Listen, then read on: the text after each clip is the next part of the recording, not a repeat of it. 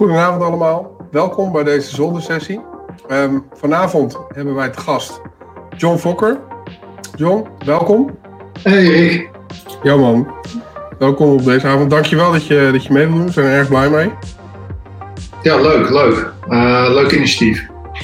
Ja, nou, het is sowieso lachen. Um, een huishoudelijke mededeling. Je hebt um, in je StreamYard die jij hiernaar hebt, heb je comments. Uh, die kan je openklikken. Uh, okay. Soms worden er goede vragen gesteld. En dat is altijd leuk als je, als je daar dan op in kan, kan springen. Check. Dus, nou, ja, we waren net ook al een beetje aan het bakkeleien natuurlijk. Dus uh, wij, voor ons zitten we eigenlijk halverwege het gesprek. Uh, voor de rest van de wereld gaan we net beginnen. Gehaktballen net, sla, slap ouwe ja, ja, sowieso. sowieso. Hey, um, ik zat vanmorgen voor te bereiden voor deze podcast. En toen was ik aan het kijken naar jouw LinkedIn. Ah. Hè, ja, dat is toch de makkelijkste manier hoor. Gewoon gluren in iemands LinkedIn. En zie je een beetje wat ze gedaan hebben in hun, uh, in hun leven. Ja. En ik moet zeggen, je hebt een, een diverse uh, carrièrepad. Ja, als iemand uh, een boek moet schrijven over hoe je van verschillende carrières kan overstappen, dan, uh, kan ik er wel een uh, hoofdstuk aan wijden. Zeker weten, man. Wat deed je als IP-engineer? Oh, dat was bij Centig. Dat was wel lachen. Ja. Informatica in, zo, ik weet niet eens hoe lang geleden. Jij hebt mijn ding voor. En uh, Centig was, ik woon, ik woon in Gooi, in, in Bussum. En in heel veel mm-hmm. alle mensen, oud-KPN-medewerkers. Nou, moet jij ook wel een beetje aanspreken, heb je een hele grote zendmast.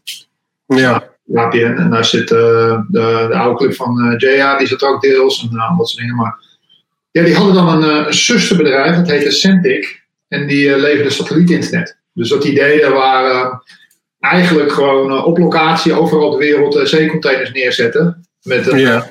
Teamlink en, en wat routers. En zo werd donker Afrika voorzien van internet. En dat ging allemaal via of Hilversum of in het noorden van het land, in Buren, Friesland volgens mij. Oké. Okay. Dat is nou een paar van die schotels. Grof. Maar uh, ja, ik was dan gewoon als uh, stagiair. En dan uh, word je bij natuurlijk. Koffie halen was ding en deed wat onderzoek.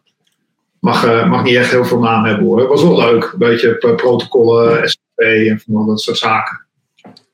Nice. Oh, je hebt daar toch nog twee jaar gezeten dan? Ja, het was een soort van uh, een nieuw traject wat ze toen hadden. Dat je eerst uh, uh, tijdens je HTS kon je gewoon en werken en studeren. En dan moest je een soort van extern verworven competenties halen en cursusjes en zo. En daarna kon je dan je sta stage daar doen. Dus dan zeiden ze van ja, en je hebt van die stages die je doet en dan zit je een half jaar weer ja, letterlijk koffie aan het halen. Of doe je net even wat, ja, een simpel projectje. En dat leidde het bedrijf, in dit geval Centric, ook wat voor wat meer gedegen onderzoek. Dus ik deed wat op uh, routermanagement en uh, het leidde nog op uh, transmissieprotocollen. Of DOCSIS of DVB, DVBS onderwerken. Maar dat waren echt wel lang geleden hoor. Weet jij nog hoe DOCSIS werkt toevallig? Nee. Jammer. Sterker ik heb volgens mij die, die scriptie nergens liggen. Oh echt? Oh jammer. Ah, ik heb toen heel lang geleden een keer gekeken, want uh, Ziggo gebruikt DOCSIS. Ja. Uh, voor, ja. Over de coax. En ik heb toen een keer ergens een talk gezien van iemand die zei: Ja, maar alles uh, voor jouw schakeldoos komt over dezelfde lijn heen. Dus als je het signaal wat binnenkomt weet te ontsleutelen, dan kan je niet alleen wat. Kun je niet alleen zien wat naar jou toe komt, maar ook wat er naar de rest toe komt. Dus zeg maar, als je de router weet open te breken, dan kan je er wat mee. Nou, geen idee of dat wel of niet zo is. En toen dacht ik, oh, daar wil ik wel naar kijken. En dat heb ik nooit gedaan. Dus vandaar dat het me triggert. Uh... Dan heb je nu echt de verkeerde hoor, want bij mij is dat al uh, zo Ja, dat is heel lang geleden. Heel lang. Ik moet zelf op te googlen. Ja, nou, het is ook 2002 dat je daar, dat je daar zat. Dus. Ja, precies. Er zitten wat andere, andere gedachtegangen en dingen in. ja, sowieso. Goed, toen heb je op een gegeven moment, want je hebt aan de, aan de HVA gestudeerd. Ja, ja. En toen had je dat afgemaakt. En toen dacht je, nou, nu heb ik, uh, kan ik de IT in. Ga ik ergens als veel te duur betaalde consultant ga ik zitten. Ja, ga ik me helemaal vol vreten. Ben ik op mijn veertigste ben ik, uh, heb ik een burn-out en uh, voel ik me niet lekker en al dat soort dingen. Ja, dat is, het, dat is het plan. En dan het liefst elke middag zo'n wit bolletje met een kroketje. Die 15% rundvleeskroketjes. Ja, ja, en, ik... een, en een kopje van die soep. Uit zo'n stalen kom. Ik vind het altijd het ja, mooiste in de kantine. Ja, precies. En dan je plastic boterham trommeltje nog wel meenemen. Want ja, de kroket is natuurlijk een luxe. Ja, ja. Als, ik moet wel de KPN, eh, de- niet, niet op een KPN, maar ik moet wel een beetje die ouderwetse mentaliteit erbij nemen. En dan Ja. eh, een pakje melk. ja, ja, ja, ja, ja. Ja, dan op een gegeven moment dan eh, ga je op dieet en dan uh, nee, dan doe je optimaal limoen. Ga je dan drinken in plaats van gewone melk. Oh mijn god, hé, dat hadden ze ook nog. Ja. Ja. Echt. Niet alleen daar hoor, ook ergens anders. Ik moet zeggen, ik verlang af en toe wel naar zo'n wit pistoletje met dat. Weet je nog dat je een soort van, van die soort worstjes had, van die plastic worstjes van dit filet americain erin? Mhm. Weet je die moet je dan zo openzagen met een plastic. eh, met een plastic ja, ja, ja. ik, daar verlang ik af en toe wel naar. Gewoon, die, het shit, gewoon toch? tuurlijk. Maar ik wil in zo'n kantine. Ik wil dan zo'n afgebakken pistoletje eten, zeg maar. Het moet, Waar je binnenloopt en je ruikt al de, de, de, het oude vetlucht. ja, en er moet ergens iemand panini's maken. En dan elke, week, elke dag een andere smaak panini. Oh ja, ja. En de soep van de week, eh, dan is het, eh, je hebt eh, spaghetti op één dag en dan tomatensoep op de andere dag. Ja, ja, ja. En de dag van de uiensoep stinkt alles. Oh, wat een, ja. Ja, wat dat gaat. Ik heb wel echt heel veel verschillende soorten kantines meegemaakt. Maar dit is zeg maar als je de, de Alberon of nou, zo'n soort bedrijf inhuurt voor een kantine, krijg je dit. Ehm, en het is eigenlijk het meeste wat je tegenkomt. Eh, als, ik, als we dan ergens een pentestje doen of zo, eh, dan is dit het. Ja, oké. ja. Ik heb natuurlijk heel lang bij de overheid ge- gewerkt. Oh ja. En daar, ehm, ja, d- d- het kantineleven is mij niet onbekend, laat ik het zo stellen dan. dat geloof ik direct.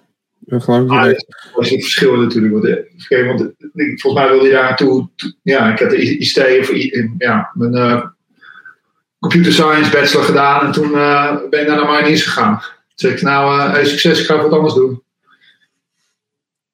Dus eh, Maar hoezo heb je op een gegeven moment gedacht, ik ga dat doen? Ik had een beetje, eh, misschien een soort onderbuikgevoel of zo. Dat ik denk van, eh, nou precies, ik maak een geintje hè, van die uitgezakte vent eh, met zijn broodjes. En ik denk van, shit man, eh, ik wil eigenlijk wel wat leuke dingen doen. En ik had wat vrienden die daar zaten. En uiteindelijk denk ik van, nou ik wil gewoon uit vliegtuigen springen. En ik wil op, op reis, ik wil dingen. Je bent jong, hè, je wilt wat. Dus en ik, nou, ik had wel een afspraak met mijn ouders toen. We zijn een heel brave jongen natuurlijk. Ja, Ja, je studeert wel, eh maak wel je studie af. Oké, okay, ik maak mijn studie wel af. Nou, dat gedaan en toen die kant op gegaan. Dus eh, ja, het avontuur op. maar want eh, op zich is dat toch ook gewoon een studie? Of, of kan, je gewoon, kan ik nu ook heen? Ja, ik ben niet fit genoeg, maar kan, had ik ook heen gekund dan? Als je de toelatingseisen haalt en al dat soort dingen, dan, ben je gewoon, word je gewoon getraind. Het is gewoon, dat wordt allemaal voor je gedaan. Je moet het alleen maar even doorstaan. Ja, maar kijk, als ik toegelaten word, dan heb ik het nog niet. Dus dan krijg ik een opleiding, neem ik aan. Nee, klopt. Dus dan, moet je, eh, dan ga je gewoon door selectietraining. Dus eh, wat is het? Ja, de, de, de dienstplichtigen onder ons, die kennen het dan wel. Die, eh, dan moet je in Amsterdam heb je een soort keuringscentrum. Nou, dan eh, word je iedereen, wordt iedereen gekeurd. Hè? Alle gezonde jongens en meisjes die daarvoor eh, komen. En dan eh, psychologische keuringen van alles en nog wat. En dan, eh, Ja. als je goedgekeurd wordt voor dat dienstvak. Dus het kan of uh, of KST zijn. Ja. En even een brief dat je moet verschijnen. En dan kom je aan de poort, dan, eh, in dit geval in Rotterdam. En dan, eh, ja, dan sta je daar nog met eh, baard en haar. En dan dag één gaat alles eraf. En dan word je gestrikt van je identiteit. Dan krijg je gewoon een pak aan. En met een, een- niet eens een echt naamblintje. Gewoon een, stukje sporttape met je naam erop. En ja, dan krijg je een plunjebaan met zooi. En dan, dan ga je gaan legen. En dan, volgens mij ga je gelijk op de eerste week het veld in. Dan ga je gelijk, hup, de boer, ja, moet je al gelijk daar aan wennen. En de eerste drie, vier weken, want er geen telefoons, niks, kom je niet, uh, ja, maar ga niet naar huis. Dus dan uh, moet je gewoon even, moet gelijk een beetje ontwenning. Wordt even losgekoppeld van het thuisleven. En krijg je, want een maat van mij die heeft um, die opleiding gedaan voor piloten. Daar werd hij, had hij op een gegeven moment een nieuwe titel stiertje. En dan was het elke keer stiertje en dan een, iedere keer, ieder heet stiertje en dan een naam. Totdat je een keer ergens ver genoeg getraind was en dan weet je pas met je echte naam aangesproken. Nou. Dus die werden een soort van ontmenst, uh, zeg maar. Ja, ja, dat hadden wij ook. Maar dan was je gewoon uh, of trekpop, schedel, schijndood, lungflow. Ja, top. Dus uh, nee, de, de, luchtmacht is wel van de bijnamen, wat coolere bijnamen. Bij het korps is dat niet zo. Uh, oh. gewoon, iedereen wordt gewoon in eerste instantie gedrild. Ja. En als je de eindstreep haalt, dan gaat het pas beginnen. Dus dat is gewoon... Vanaf dat moment word je ook voor echt aangezien, zeg maar. dan begin je voor of te roleren bij de apparaten eenheid. En dan zit daar allemaal oude poepen. Hè? Dus alle gevestigde orde, dan kun je daar ook nu beginnen. Dus. Fucking hell, je bent ook nooit klaar. Maar hoe oud zijn die gasten? Want zijn, er überhaupt veel oude mensen die dat doen? Nee, nee ik was wel um, samen, een maatje van mij zijn we samen erin gegaan. We waren wel de oudste van de lichting een beetje. Dus uh, het merendeel tussen de 17 en 18 jaar en wij zaten dan in de 20. En dat hielp wel, want ik ben gelijk nadat ik ingerouleerd was en klaar was, ben ik daar een half jaar naar Afghanistan gegaan. En dat merk je wel dat het een hele andere beleving is natuurlijk voor als je net 18, 19 bent, dan dat je 25 bent of zo. Ja. Iets verder gevormd in je leven en je kan iets meer jezelf verplaatsen in, uh, in de mensen die er wonen en uh, die situatie daar. Ja, ja. Je, hebt, je bent gewoon iets meer mens eigenlijk als je wat ouder bent. Ja, je, je hebt iets meer meegemaakt op een, op een andere manier. Um, en uh, je gaat er wat volwassener met je emotie om. En je zit er wat iets anders in de wedstrijd als het dat je 18, 19 bent en dan uh, word je in één keer een ander werelddeel erop. Je bent nog nooit op vakantie geweest, bij wijze van. Alleen ja, naar, naar uh, Lorette Mar om je vol te gooien met bier. Dan sta je in één keer uh, in de knoeken. Als je dan in Afghanistan terechtkomt, is het ook helemaal kut. Daar is volgens mij weinig te zuipen. Nederland wordt, die, die zet zichzelf het, compleet drooggelegd. Dus ja, je hebt, en toen was er nog geen lekkere 0.0 of zo. Dat was echt alleen maar gewoon een troep. Maar ja, heb je dan wel, heb je dan wel een soort van luxe dingen? Dus een alcoholvrij biertje zou ik als luxe bestempelen, zeg maar. Nou, dat is wel grappig, want ik rook niet, maar um, dus je kan dus natuurlijk, omdat je in het buitenland zit, kun je belastingvrij sigaretten kopen. Dus laat die een beetje rookt, die rookt aan het einde van de term een heleboel. En uh, ja, wat is luxe, hè? Dat, dat bent, je, het is een soort van leven. En soms ga je op pad en dan zit je, ben je week aan één uh, zit je uit, uh, uit een zakje te eten. En uh, ja, dan, heb je thee en wat dan ook, een beetje zoals die uh, survival eten. Maar ehm, we waren een keer waren we ingesneeuwd. Ze hadden een missie vanuit noorden naar Kabul, naar het vliegveld. En daar waren we ingesneeuwd in Afghanistan? Ja, ja, ja. ja is, het, is het daar ook koud? Daar is het bikkelkoud als je de juiste op de bepaalde plekken zit. Ik, uh, iedereen heeft een associatie met de woestijn, maar in het noorden van Afghanistan is een heel groot berggebied. Dat is een uitloper van de Himalaya. Dat heet de Hindu Kush. wij zaten net aan de noordkant ervan. En dan moest je ja, mensen ophalen, of uh, soms zelfs post ophalen, of de raarste dingen. Dan moest je naar Kabul rijden of naar een andere plek. Ja. We gingen één keer omhoog. En dan rij je letterlijk van plus 30 bij het kamp. Rij je naar min 20 en dan ligt er gewoon een dik pak sneeuw. Dus uh, dat is heel apart. En uh, het begon heel hard te sneeuwen en eigenlijk we waren er doorheen. En we zouden eigenlijk alleen maar eroverheen en weer teruggaan. En toen waren we ingesneeuwd. Dat was zo van ja. De pas, de enige weg terug, die was afgesloten. Dus dan kan je ja. sneeuw, je zit niet echt in de auto, maar toen reden we naar Bagram. Dat is het grootste, een van de grote Amerikaanse kampen die er dichtbij zat.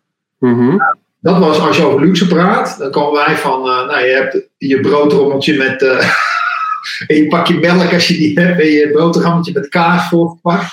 Kom je naar een Amerikaans kamp en daar zit gewoon, er staan gewoon letterlijk de hele muur van één kant alleen maar koelkast en er staan alleen maar blikjes. Alleen maar Coca-Cola, van alles nog wat. In het midden staat een hele grote tafel met allemaal cereal, gewoon volgepakt. Je gaat in de, in de rij staan en dan de vent zegt, nou, oké, hoe wil je eitje hebben en uh, wil je biefstuk erbij? Ik zeg, tering, hè, je kan gewoon... We gaan hierheen. Maar die ook gewoon een Starbucks en dat soort dingen. Dus het is wel een hele andere gewaarwording. Ik heb dat wel eens gehoord, dat, um, uh, dat ze ook echt inderdaad uh, fastfoodketens of gewoon voedselbedrijven en zo, dat die ook gewoon uh, dat ja. die meenemen, zeg maar. Dat, de, maar hoe groot, wacht, hoeveel mensen hebben we het dan over? Want je gaat niet voor duizend man, ga je geen McDonald's oprichten in, in Afghanistan. Nee, maar dan heb je een kamp, dat is gewoon een stad. Dan heb je over 20.000 man. Die, uh, die uh, uh, cateringbedrijven. Het is niet de Paresto of zo. Dat is gewoon uh, een mega onderneming natuurlijk. Ja. Er is een eigen brandweer daar. Er zit van alles zit er op zo'n kamp. Ja, dat is echt bizar, hè? Dat, Maar er, is er zijn ook mensen die zitten ook gewoon, eh, die kunnen die hele term alleen maar op een kamp zitten en nooit de deur uitgaan. Dus die zitten me hier een veilig gevoel.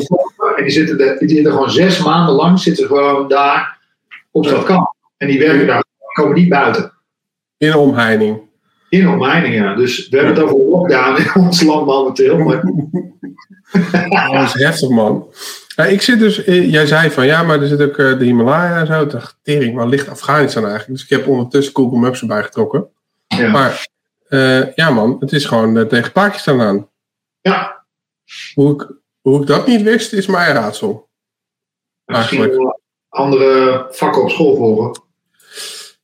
Ik heb Montessori-onderwijs gedaan, dus ik mocht een beetje doen waar ik zin in had. Nee, je, je raadt het al. Nou, ik, ja, had, ik had meer gedacht, ik had het meer te- tussen zeg maar, Iran en Saudi-Arabië geplaatst, zeg maar. Maar dat is Irak. Dat is ook een hoop oorlog geweest. Dus dat gaat, zit mijn oorlogradar zit goed, maar daar houdt het op. ja, precies. Nou, ik ben ook in Somalië geweest. Dat ligt dan weer dan te te zuiden ervan. Even kijken, Jemen, Oman. Waar zit, oh, dat ligt onder Ethiopië. Ja. Somalië. Wat was daar dan aan de hand? Ehm piraterij. Hoe? Oh, piraterij. Ja. Oeh. Dat, dat is nog steeds gewoon een ding volgens mij, of niet? Het is wel een stuk minder geworden. Ja?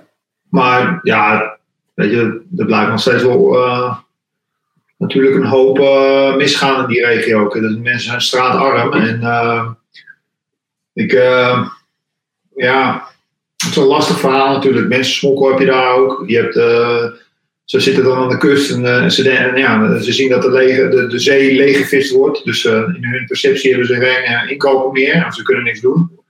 En dan zie je wel al die grote schepen vol met auto's en uh, al dat soort dingen voor de kust varen. Nou, dan, dan, dan snap ik wel dat sommige lui denken van, goh, Ja. ga open en een RPG en ik, en ik ga Ja. nog proeven. Het geld drijft voorbij, bij wijze van spreken. Ja, het is alleen inmiddels wel. Eh, er werd op een gegeven moment wel zo'n soort handel dat het echt miljarden ging opleveren. En dat die lui echt. eh dat er echt in. Dus dan eh, voer je daar voor de kust en doe je verkenning. En dan zie je gewoon eh, aan de anker, bij zo'n kamp, liggen dan tien eh, van die olietankers gewoon op een rij. En Ja. allemaal gewisseld. Allemaal. Moet dus meer hoor. Dat is gewoon een eh, professionele organisatie. Ja, wou ik zeggen. Wat is de MO eigenlijk? Is het gewoon gijzelen? Gijzelen, onderhandelen, geld krijgen, loslaten. En dan eh, gaan ze op naar de volgende. Hm. En loopt het lelijk af wel eens? Of is, is het eigenlijk altijd gewoon eh, betaal gewoon en ben je van het gezeik af? Beetje ransomware idee. Ze terugzien. Hè? Ik heb daar Philips en eh, al die andere dingen. Dus dan weet je hoe het er naartoe gaat. Nee, ik heb niet gekeken. Oké, nou ja. ja om verhalen. Kijk, ik- we hebben er 26 aangepakt. En die hebben we ehm, dan naar de plaatselijke autoriteit of de Seychelles of in Djibouti eh, voor gerechtshof gezet, gerechtshof gezet. En sommige die hebben ook echt die niks waard waren. Dat je denkt van ja, je hebt geen wapens meer, je hebt eh, alles. eh, nou, hier gaan we weer terug. Terug naar start. Maar er zijn ehm, ook ehm, situaties geweest waar mijn collega's die hebben een schip moeten bevrijden. Ja, eh, de een hebben alle, alle piraten aangehouden, die zijn berecht in Duitsland. En de andere, eh, dat is een mega vuurgevecht geworden, waarbij eh, het grote deel van de piraten hebben moeten afleggen. Ja. ja, ik heb daar wel eens een keer een video ook van gezien. Dat, dat gasten echt in zo'n klein rubberbootje dan aankomen varen bij zo'n tanker. Dat je denkt, nou, ik zou het, ik zou het al niet doen. En vervolgens stonden ze op die tanker met automatische wapens op die rubberboot te schieten. Dat ik denk van ja, dan gaat het natuurlijk. Hè? Dan ben je dapper hoor, dat je, dat je het probeert. Maar ja, Toch eh, is er een opportunity, hè? jezus, dan heb je het slecht hoor. Als, dat, als, als je dat soort kansen moet pakken. Met een cybercrimineel die iets probeert en dan heb je een, eh, een, eh, een sok van uiterlijke miljoenen die er tegenover staat. Ja, maar als een, cyber, als een cybercrimineel iets probeert, dan is het ergste wat hij kan krijgen, is zeg maar een arrestatieteam wat, wat zijn deur eh intieft, zeg maar. Hè? Dan, dan ligt je slapen en in één keer ligt er een, eh, een gozer in een arrestatiepak op je, in je nek. Ja, dat is ook vervelend. Tenminste, dat denk ik. Ik weet het, misschien is het wel gezellig. Nou ja, ik weet het niet hoor. Ja, weet je, kijk, Nederland is allemaal nog wel, uh, wel redelijk oké wat dat betreft. Maar uh, er zijn toch wel uh, interventies en arrestaties. hebben het wel uitgewezen dat ook de cybercriminelen zich nu wapenen. En dat er gewoon lui zijn in, in Oekraïne en Belarus die gewoon met een AK in hun huis liggen. Ja, ik heb.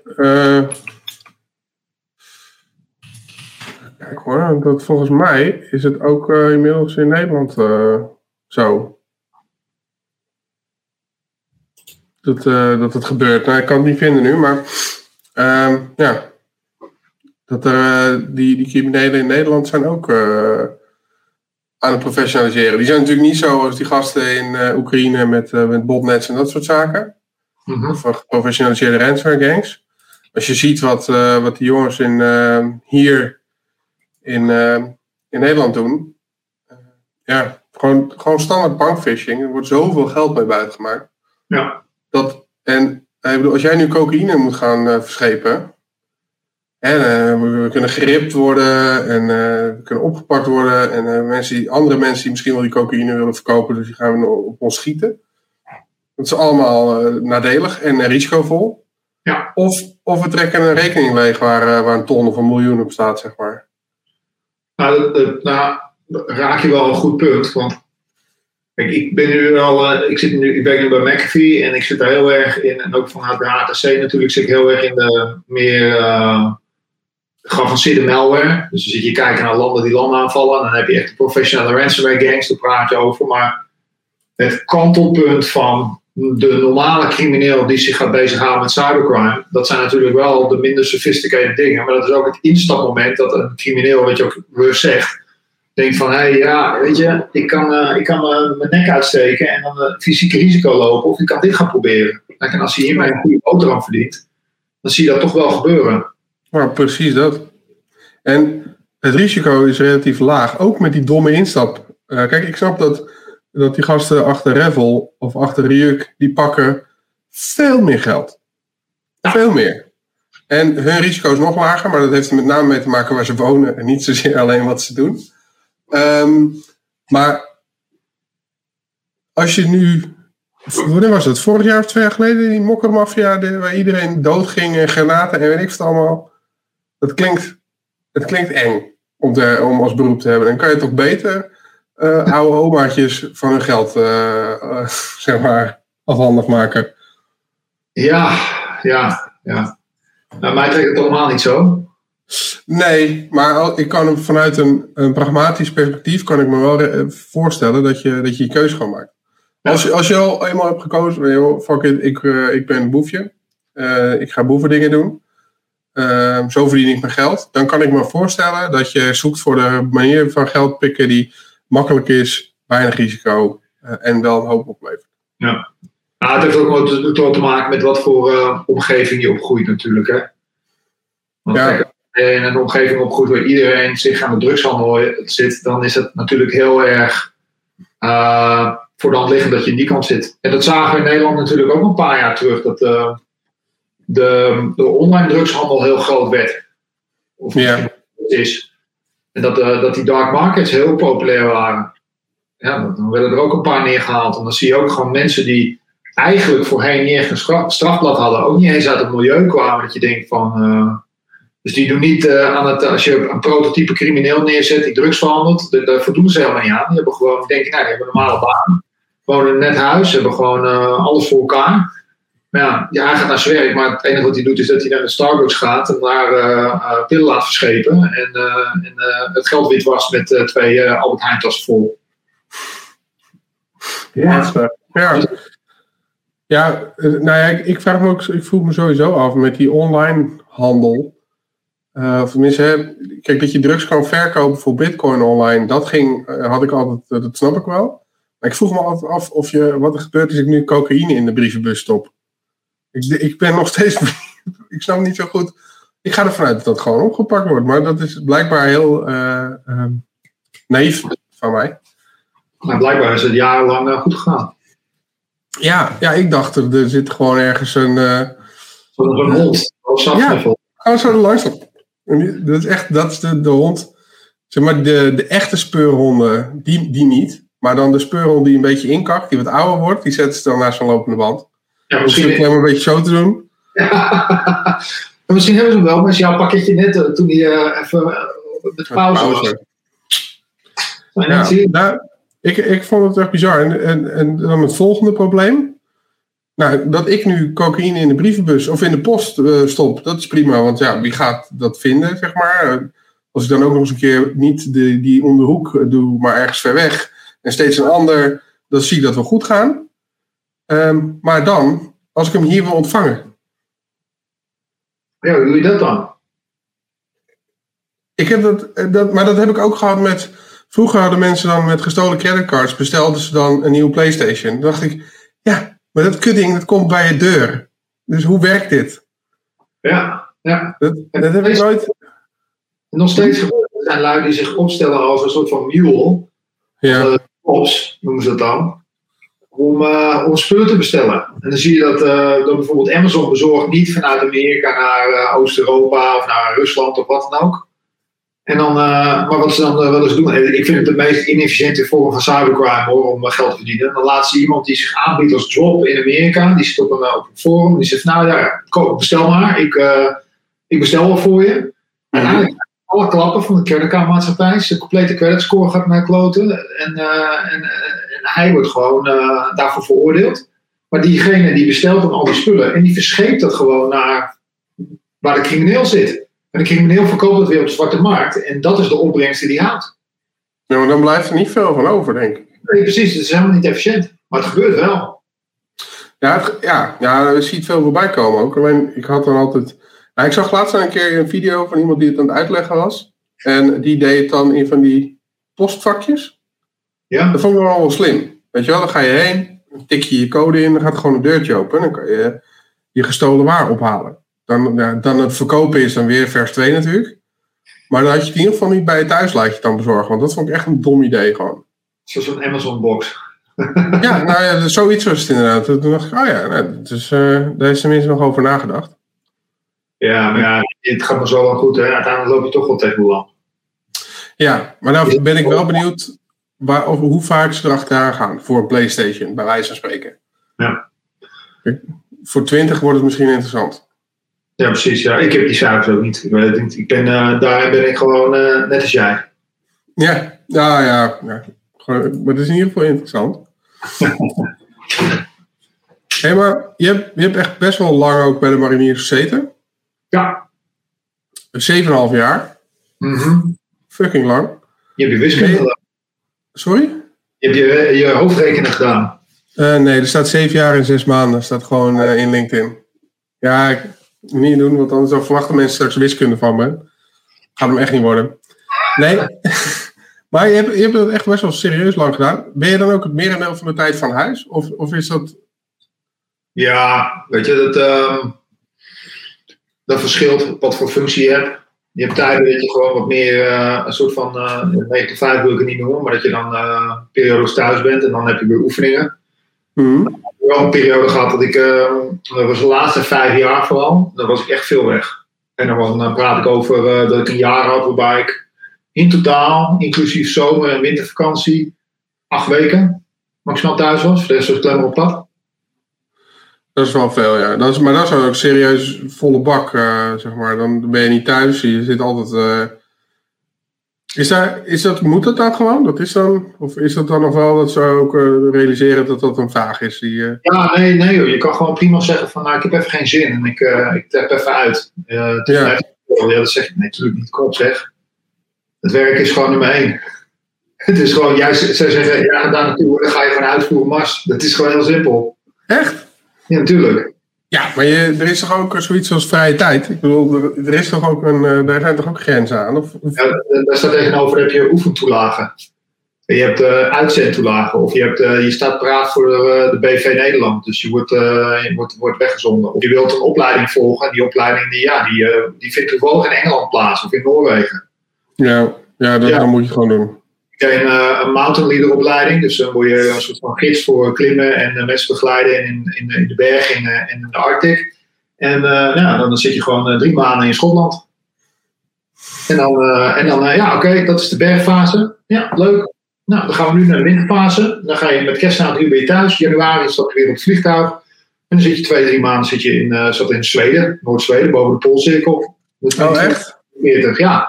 Ah, en dan kom je terug dan, uh, ja, dan, ben je weer, dan ben je thuis daarna. Dan ben je een paar dagen thuis en dan ga je weer op pad. Ja.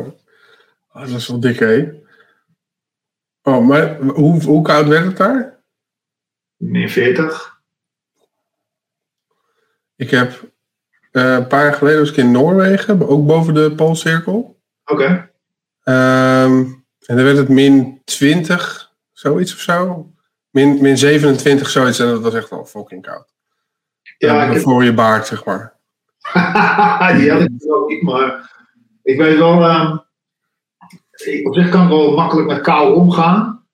Maar um, uh, en het was natuurlijk niet altijd zo koud, hè, maar we hadden wel elkaar keer dagen. En dat was ook toevallig dat we um, wakskiën. Dus dan moet je de trainen, de jongere mariniers die voor de eerste keer in de, in de kou gaan, die moeten dan uh, in het ijs skiën. Dan moeten ze ervaren hoe dat is als je door het ijs zakt, dat je eigenlijk nat wordt terwijl het vriest.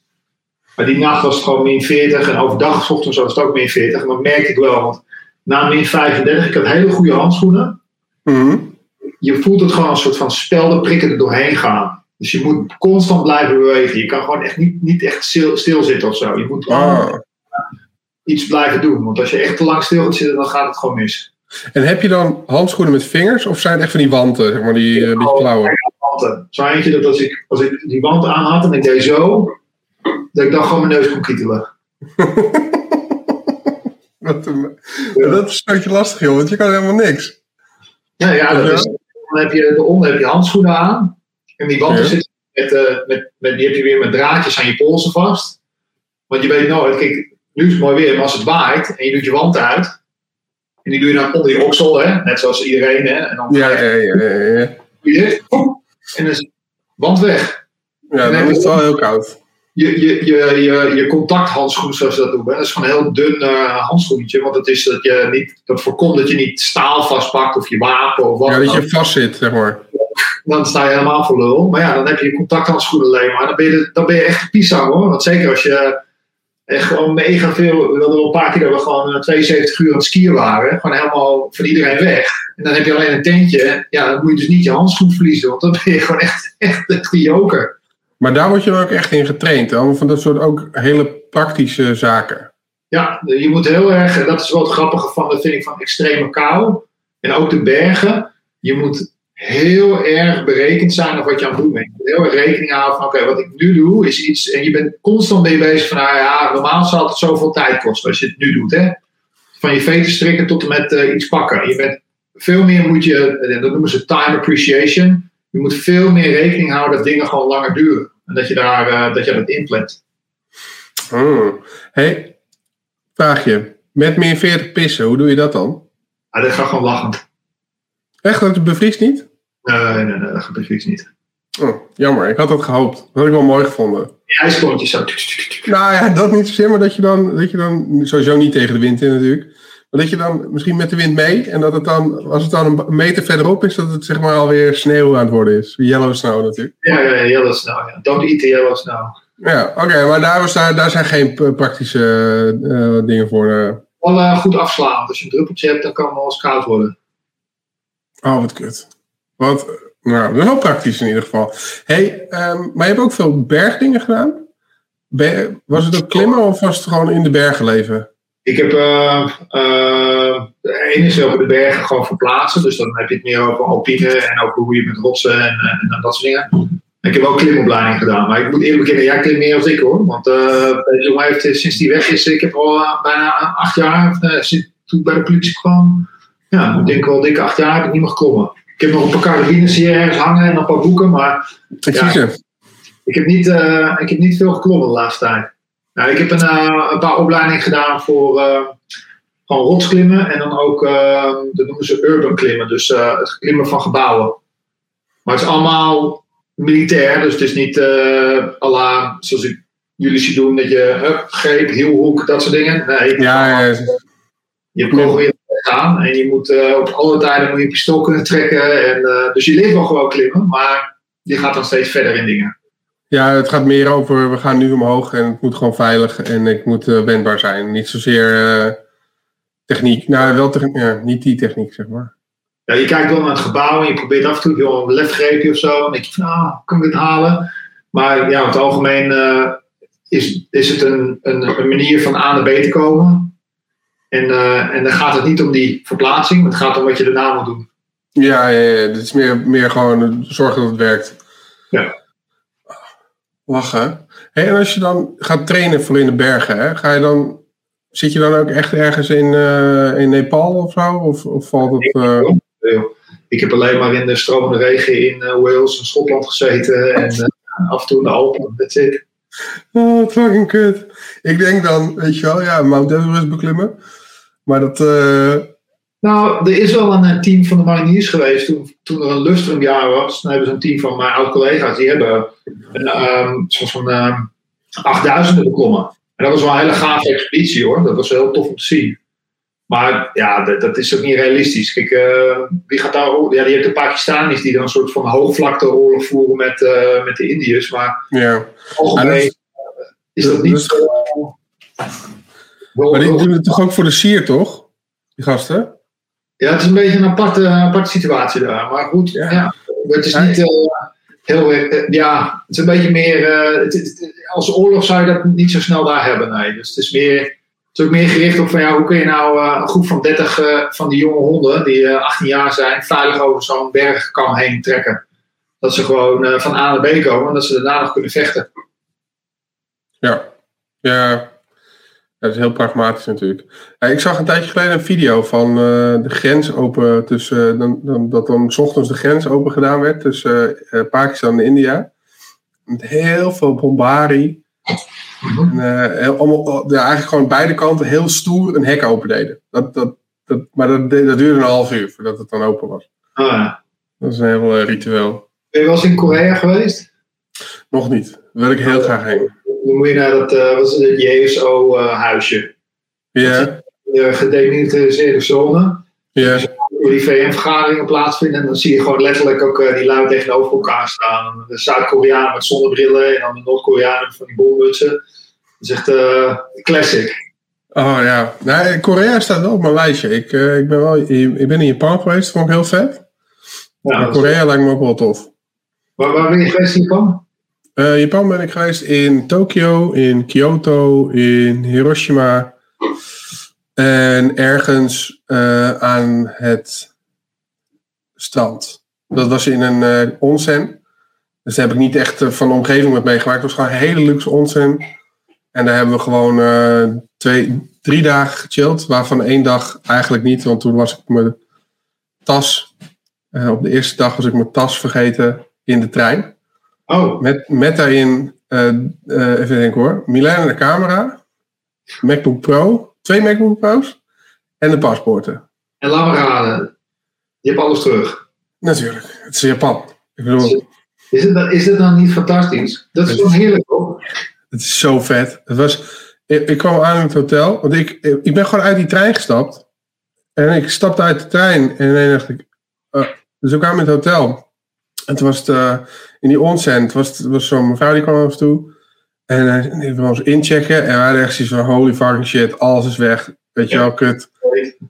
En ze, zegt, dus ze keek naar ons, ze had al zoiets van, kan ik u ergens mee helpen, is er wat? Ik zeg, nou, ik ben mijn tas uh, vergeten en daar zitten een hoop spullen in. Dus ja, ik ga even voor u bellen. Nou, dus toen hadden ze uiteindelijk gezegd, ja, was sowieso vet. Had je een, een of andere tuin, allemaal bonsai dingen.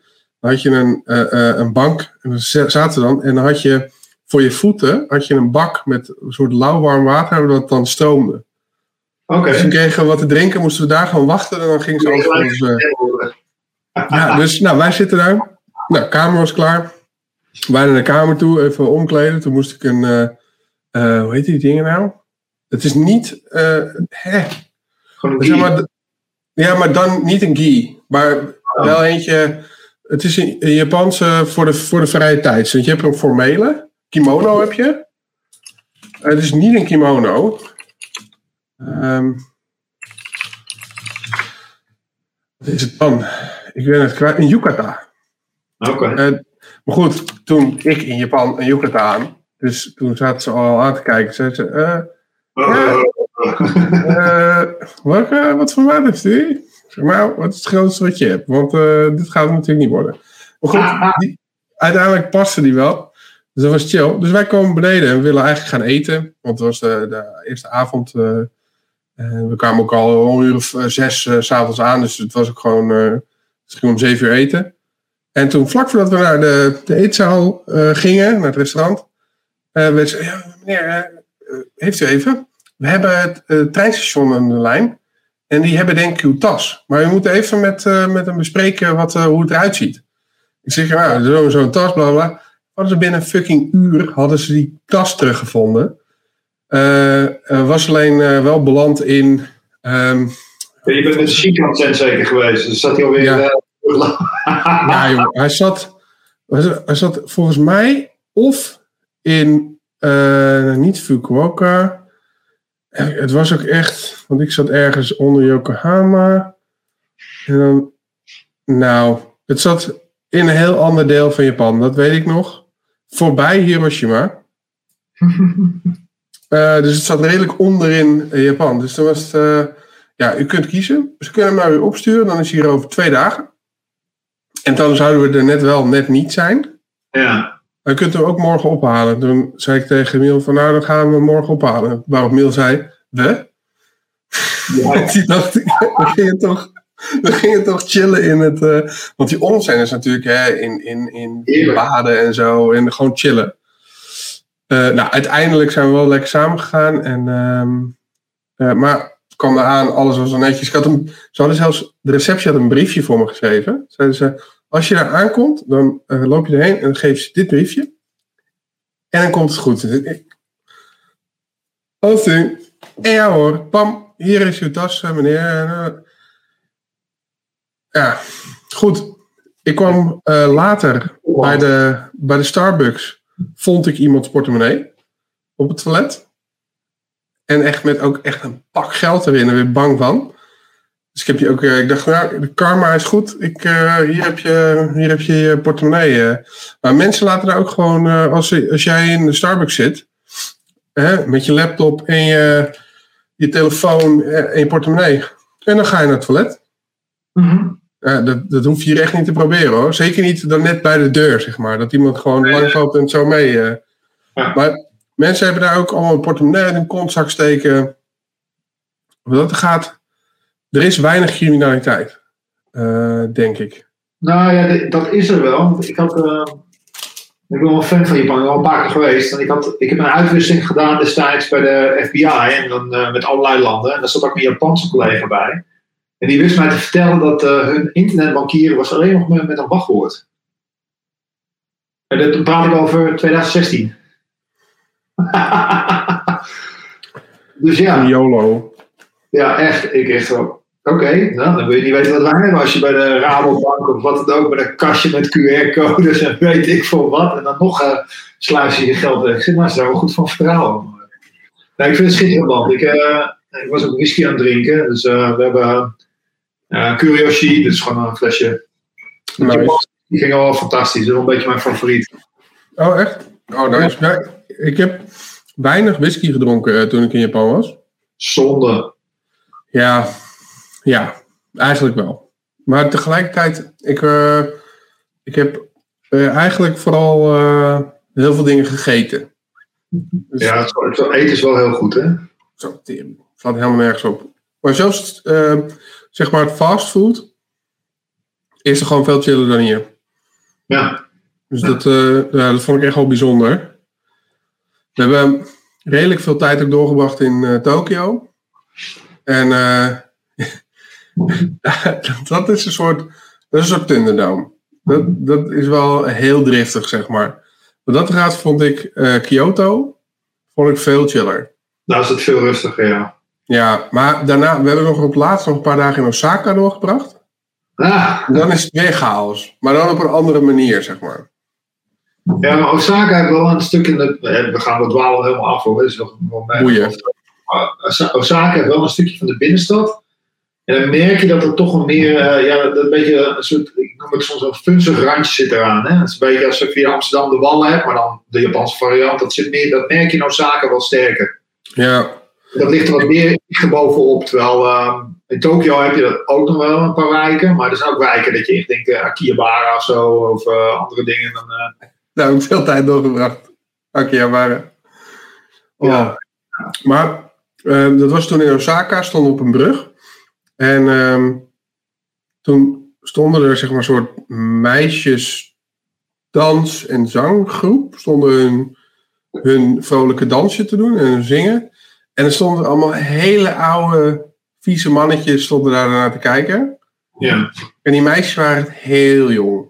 Dat je, ja goed, het is sowieso met Japanners wordt moeilijker in te schatten, vind ik vaak.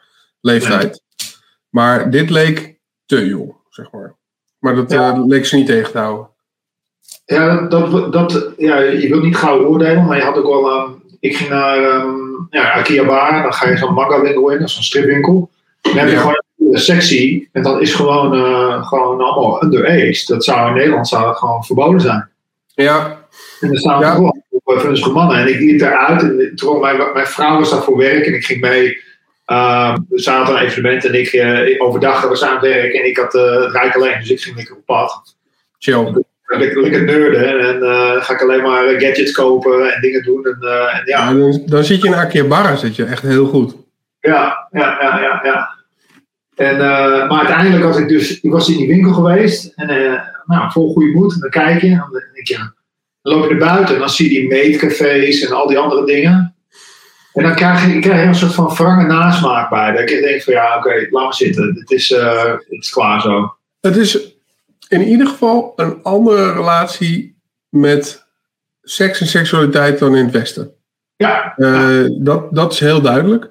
Ik heb toen op een gegeven moment ook nog een stukje, was, um, uh, misschien heb je dat wel gekeken vroeger, No Reservations van uh, Anthony Bourdain. Oh, ja, ja, ja. Die ging al heel de wereld over, overal eten en drinken.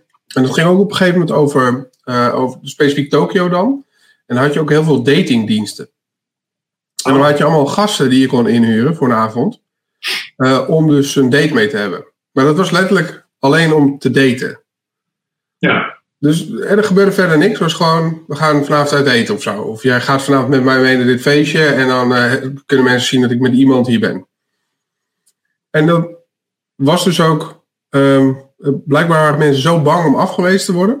Dat ze liever alleen zijn en dan iemand inhuren dan dat je een gokje neemt en, dat je ja, volgens een blauwtje loopt. Ja, dat is bizar, hè? Ja, ja, ja, ja. Op die manier is het een heel raar land.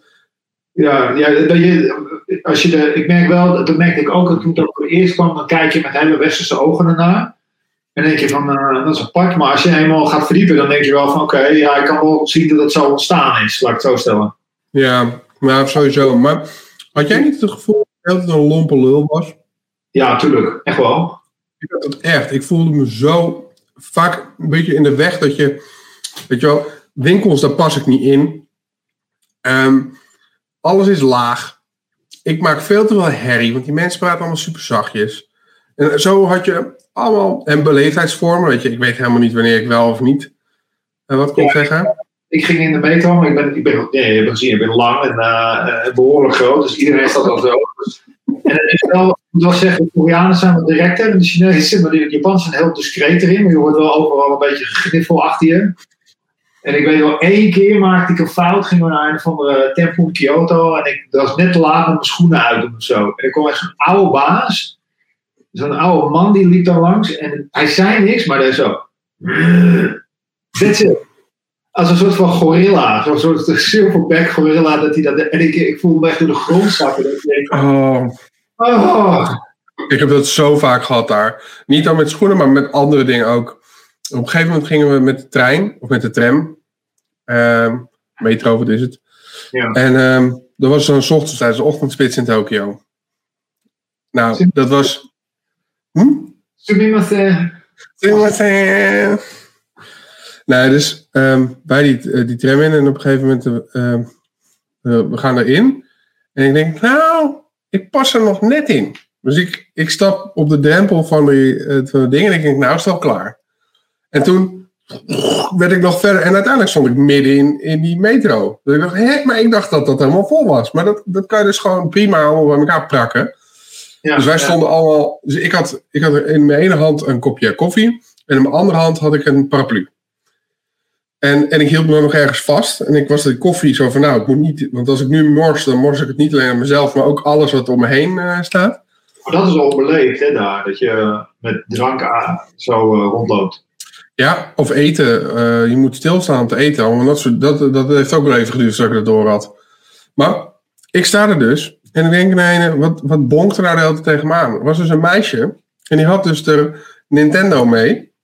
En die had zoiets van, joh, als jullie allemaal gewoon blijven staan, dan kan ik, hoef helemaal niks te doen. Dus ik hield me heel krampachtig aan alles vast om niet onderuit te gaan. Zij was een soort van geklemd en die ging gewoon hop, pom, pom. En dat boeide, dat boeide er geen reet, want ze zat gewoon zo, zo de, de spelletje te spelen. Nou, dat was, dat echt wel een master. Ja, ja, ja, ja, dat is wel tof. Ja, maar Maar wat vind je van het toilet daar?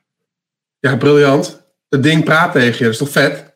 Ja, Ik vond het, ik vond het echt master. Ik heb overigens, en dat is wel jammer, ik heb die hele eh bidet-functie nooit geprobeerd daar. Dat had ik eigenlijk gewoon moeten doen. nou ja, wij hebben er eentje gekocht. Dus we hebben er eentje in. Mensen zijn, er gaan mensen helemaal loco om die shit. Ja, mensen vinden het supergoed. het is wel mooi hoor. Dus we komen maar een keer langs na COVID. Dan, eh, Nice. nou ja, je wat is? Je had overal, je had ze zelfs die praten tegen je. Als je de deur opent, dan zijn ze gewoon hoi. Ja, in het Japans. Dus. Maar, maar, en die de klep dan open doen als je binnenkomt en zo. ja, wel heel leuk hoor. Ja, was in hotels dan. Maar Maar- dat, eh, dat was wel luxe. Taxis, de deur gaan automatisch open. Dan heb je een oude Toyota. Die gaat hem gewoon open en ik kan naar binnen en de deur gaat weer dicht.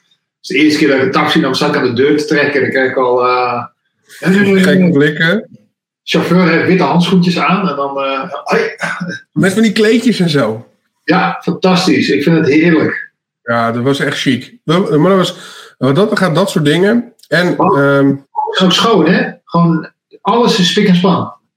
Sowieso. En als je dan eh, in de supermarkt stond, dan had je, weet je, wat nou vorderingen? Je hebt gewoon een rij en dan moet je, eh, weet je wel, dat is een paadje en hier moet je staan en zo moet je lopen. En iedereen houdt zich eraan. Ja, het is niet verrassend dat eh, bij hun eh, de COVID-gevallen wat sneller naar beneden zakt als hier. Oh, dat geloof ik wel. Dat geloof ik echt wel. Gasten waren goed met regels. Ik vond het moeilijk, want in Nederland, als er geen auto's zijn en het stoplicht staat op rood voor de voetgangers, Dat loopt Ja, iedereen. ook- natuurlijk. Eh, ja, dus, er is niemand, dus waarom zou ik wachten? Ja. In Japan heb ik dat, dat deed ik dan eh, dag één. Ja, dat, heb je ook knal afgeleerd. Want de hele wereld staat je aan te kijken, wat doe jij nou? Ja. Ik vond het, dat vond ik zo tof. En toen kwam ik in, terug in Nederland. We landen op Schiphol. Mega brak, mega gaar van die vlucht. Ik zeg, joh, ik ga even naar de Starbucks even koffie halen. Wil je ook koffie? Ja. Dus ik loop daarheen. En het eerste wat er gebeurt bij die fucking Starbucks is dat er iemand voordringt. Toen dacht ik, nou, ben je weer terug in Nederland. Dat zou je in Japan echt niet hebben. Nee. bestaat gewoon niet. Ja. Ja, ik wil, ik, daar wil ik wel echt wel naar, naar, eh, naar terug. Ik vond Ja. het eh, een hele vette ervaring. Daarom lijkt me Korea ook zo leuk. Ehm, eh, want we waren er wel een beetje naar, ehm, hoe noem je dat? Ehm, Korea Street, van, die, van die wijken in, zowel in Kyoto als in Tokio hebben we dat meegemaakt. ja. Ehm, dat, dat vond ik wel vet. En die mensen, dat is weer een hele andere cultuur. Die zijn veel lawaaiiger. Veel meer, eh, ja, gewoon een hele andere cultuur. Dus dat lijkt me ook wel weer cool om mee te maken. Dat kan ik zeker aanraden. Dat is hartstikke leuk. Seoul is een eh, mooie stad. Zo, ja. En dan, nou, dan zit je ook nog eens een keer in de buurt van de, eh, Van grens. van de grens. Dus dan kan je gelijk ook nog, ja, als je er dan toch bent, dan wil ik dat ook zien, toch? Ja, ik ben, die JSU-huisjes ben ik zelf niet geweest. Want destijds was er weer, die zijn maar open om, zoveel tijd. En dan is dan, eh, omdat het zo'n gevoelig gebied is, dus om ieder wisselwasje is, dan eh gooien ze die toko weer dicht. Maar we hadden een hele tour hadden gedaan. En dan eh, echt binnen 15 minuten of zo buiten Seoul. Dan rij je langs een rivier en dan zie je gewoon een prikkeldraad mega hoog. En aan de andere kant van de rivier ook prikkeldraden en wachttorens. En overal wordt gewoon in het Koreaans wordt er geschreeuwd. Van weerszijden, gewoon over de megafoon. Heel apart. En dan, uh, rij je naar een uitzichtpunt, wat dan het dichtste is bij de DMZ. En dan kijk je over niemands land, wat helemaal vol ligt schijnbaar met mijnen. En dan zie je helemaal in de verte, en dan hebben we zo'n verrekijken, en dan zie je een dorpje. Ja. En dan is het het verhaal natuurlijk in Zuid-Korea. Zeggen ja, dat dorpje dat is nep. Dat is allemaal, en ze doen uh, lampjes aan in de avond en zo. Dan kijk je nog verder en dan zie je een van een mega hoog brons standbeeld staan. Ja, dat is natuurlijk zo klein als je kijkt, maar Ja. het heel fascinerend. Dat je denkt van ja, ik sta nu eigenlijk van alle landen, daar dacht ik echt van waar ik geweest ben, is dit wel het meest vreemde land waar ik nu dichtbij sta. En dan, dan hebben ze van die tunnels, daar kun je ook nog in. Dan, eh, dan loop je onder de grond. Dat zijn tunnels. die- Dan hebben ze, nou, ja, die, de Noord-Koreanen hebben al een tunnel als het ware willen maken naar Zuid-Korea. Mhm. Zuid-Korea heeft zelf om te in- onderscheppen. En het, het is een hele aparte dynamiek die er is. Gek hè, dat het dan nog steeds na zoveel jaar ook, ook niet, dat het nog bestaat. Dat is echt bizar. Nou ja, we hebben ons handen er vol aan in, in, het, in het cyber. Met eh, de, Ze de hebben, een, ze hebben een prima manier gevonden om geld te verdienen. Ja, ja ze, hebben, ze hebben goed. eh, ja, Hm, Ik Nou, dacht eerlijk gezegd dat ze zich met name... Sorry? ja, oh, ik zeg in Taiwanese bankreis, hier en daar wat crypto-exchanges. Nou, met name inderdaad banken en crypto-exchanges had ik het, eh, had ik het idee. Ja. Ze, Werkers, hoor. Ook wel eh, veel eh, in de defensiehoek. Dus eh, nucleaire eh, branches en dat soort dingen, daar allerlei informatie vergaren. ja, maar dat is dus niet geld verdienen, dat is dan echt meer de, de Intel eh, pikken. Ja, dat is eh, intellectueel eigendom. Kijk, ik heb dan toch een atoomprogramma, dus eh, dan Je ook wel dat eh, bepaalde atoomcentra in de wereld, en dan hoeft niet per se westers te zijn, maar het kan ook in andere landen die iets minder goed beveiligd zijn, die zijn wel een doelwit. Eh, wat mensen die daar qua ja, wetenschappers die ermee te doen hebben. Defensie eh, gerelateerde zaken zien we ook wel veel. We hebben ook vorig jaar een heel, heel onderzoek gedaan. En ehm daar kwamen eigenlijk voor. Het kwam, eigenlijk gestart hadden ze fake LinkedIn profielen gemaakt. Hadden ze ehm, eh, dan eh, weer natuurlijk eh, uitnodigingen gestuurd naar allerlei mensen in de defensiewereld. en dan ja, krijg je een mooi pdfje. En dat was dan de first stage. En zo ging dat dan verder. Hmm, Maar goed, maar, het is Lazarus, hè? Dus we kunnen niet zeggen dat het Noord-Korea is. oh ja, ja, ja, ja, sorry. Het is, ja. Nou ja, goed, maar wat ik dan wel typisch vind, het is een hele, het is een, een grappige manier om uiteindelijk aan je geld te komen. En je Intel dan. Kijk, maar dat doen, dat doen de meeste landen in, Intel vergaren op die manier. Nou ja, de- ja, eh, bijna elk groot land, modern land, he- heeft zo'n tak. En of ze dat dan zo actief inzetten als Korea, weet ik niet. Maar, maar ze hebben wel een eh, behoorlijke leercurve doorgemaakt. Want eh, tien jaar geleden was het nog niet zo geraffineerd. En nou, nog steeds staan ze niet op hetzelfde podium als, als onze Russische en Chinese vrienden. Uh, Mhm. Maar dan nog, uh, de innovatiedrang is er wel zeker. En ik denk dat ieder land wat onder sanctie ligt, dat toch uh, een bepaalde agenda erop najaagt, het niet naast zal laten om dit te doen. En het is wel, wel, wel grappig dat uh, de status quo die je altijd had, waar je zegt van nou, landen vallen landen aan om informatie of disruptie, dat dat dan wel uh, in, in zekere zin wel echt shift met dat land dat gewoon geld steelt. Ja, gewoon eigen funding uh, creëert. Ja, ja. Ik vind het interessant. Dat is interessant, hè? Want het is, uh, ja, als je lange termijn vasthoudt, misschien groeit het nog, maar op dezelfde manier is het ook, uh, het is interessant omdat uh, het is een nieuwe uh, technologie, in ieder geval een, een nieuw fenomeen. ja, veel lui die voelen zich nog niet echt, die zijn er niet aan mee bezig. Het is nog niet gevestigd op de orde, dus de, de controles zijn nog niet zo. Maar ze pakken ook goksites. Ja? We hebben ook onderzoek op gedaan van uh, ook goksites, gewoon in Azië gewoon geïnfiltreerd. En daar werd uh, uh, door malware werd er gewoon uh, ook bij, bij users van Goksite werd er geld weggesluist. Ja, op een hele slinkse manier. Ja, maar dat is dan toch weer heel creatief, vind ik dat dan weer. Maar ik heb ook, er was iemand plaats, ik weet niet, wat ik, ik weet niet waar ik het heb gezien, maar dat een hoop regimes crypto interessant vinden. Omdat Hè, als je het hebt over een gecentraliseerd banksysteem uh, of monetair systeem, dan uh, kan iemand anders jou een sanctie opleggen. Ja. Hey, ik doe geen zaken meer met je, of ik, uh, het geld wat jij in, eh, wat jij in eh, Amerika hebt staan, wordt in één keer bevroren. Allemaal van dat soort dingen. Terwijl crypto, Ja, dat lukt niet. nee. Dus dat, dat is een, een mooie uitvlucht ook. Ja, zeker weten. Nou ja, je ziet het met, eh, met de eh, indictments die er zijn gedaan op een aantal van die ransomware-families. dat het toch nog wel altijd wel lastig blijft. En dan heb je bijvoorbeeld bij die Samsung Club die in Iran zat. Ja, die hebben natuurlijk niet eh, de Kraken en de Binance en al die andere toko's waar ze heel makkelijk dingen kunnen wisselen. Maar die, die werden wel, daar werden wel sancties opgelegd van, eh, op de Iraanse exchanges, om het zo maar te zeggen. En dan nog, ja, het is makkelijker wegsluiten. Eh, de, de, know your customer en de anti-money laundering eh, regels zijn een stuk minder streng. Dus het zal altijd wel, het is, je moet wel zoeken, maar er- er zijn gewoon eh, exchanges die, eh, die niet helemaal eh, zuivere koffie zijn. Hm, maar buiten dat, ik kan natuurlijk gewoon, als wij op een gegeven moment, stel nou dat ik iets met jou wil, hebben we natuurlijk verder niemand nodig. Ja, met Bitcoin is het heel makkelijk volgen. Hè, dan kunnen we gewoon zien dat het wat nu in mijn wallet zit, straks in jouw wallet zit. Maar dan gooi je toch door een tumbler heen, is dat ook weer over. Ja, ja, dus ik denk dat er gaat, in de komende jaren gaan we daar nog wel eh, heel veel stappen in meemaken hoor. Met eh, eh, overheden die veel meer grip gaan proberen te krijgen op dit soort. Ja. Ja, je, je kan het bijna niet tegenhouden. Zoals ik zit in een, en ik wil een shout-out geven naar HTC, een soort van crypto-app groepje nog. Die zeiden, John, je moet een paar eh, crypto dingen noemen, dan kun je pluggen, dan gaat iedereen kopen. Dan, eh, ja, oh, nice, nice, nice, nice. Welke, welke moeten we, wat gaan we pumpen? eh, ze zeiden Ocean.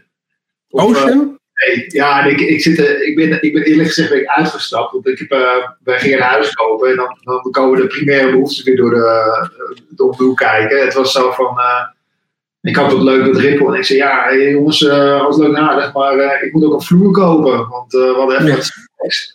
Ik heb dus, eh, gewoon geld nodig. Ja, dus ik zou iedere keer als nu die koers omhoog en omlaag gaat, maak ik gewoon een foto van mijn visgraatvloer. En dan zeg ik, ja, hier, ja, kijk.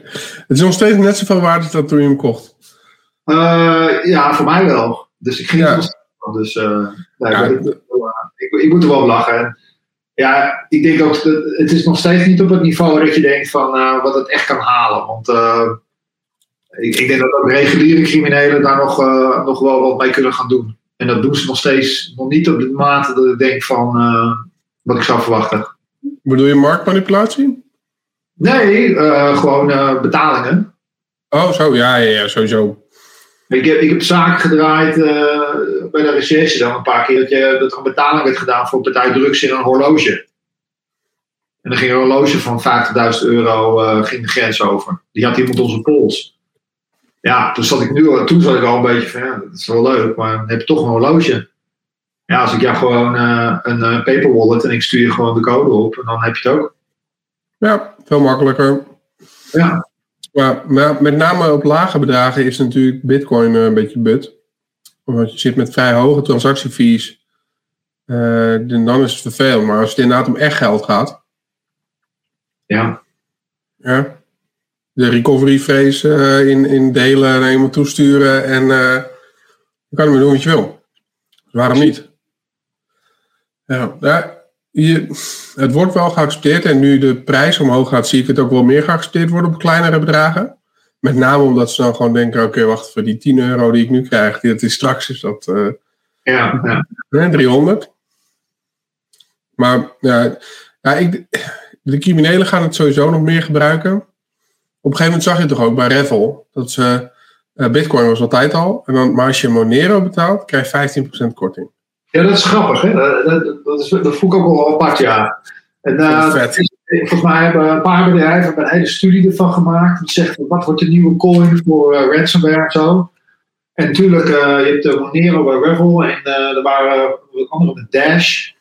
Maar ik ben nog steeds van de overtuiging van ja, uiteindelijk eh, wie je afpest, het zijn niet de meest tech-savvy bedrijven. Laten we eerlijk zijn. Ehm, ehm, en die, en die, die struggelen dan. En dan is, is Bitcoin het meest voorhanden zijnde coin die je kan krijgen, die het minste fluctueert ten opzichte van de andere. Ja, Dus- Dus ja, dat, het blijft toch altijd een beetje de gemene deler, hè, om het zo maar te zeggen. Iedereen, de, de, de massa zit daarin. En dat is het meest makkelijke, het meest geaccepteerde. Dus voor Ja. de criminelen misschien ook nog wel gedwongen om dat te doen. Omdat juist iedereen daarbij kan. En minder makkelijk bij zo'n groot bedrag Monero of wat dan ook kan komen. Ja, dat denk ik ook hoor. Ik denk dat uh, als ik nu voor 2 ton Monero moet kopen, dat ik ook niet direct weet hoe ik dat nou het makkelijkst doe. Behalve dan voor 2 ton Bitcoin kopen.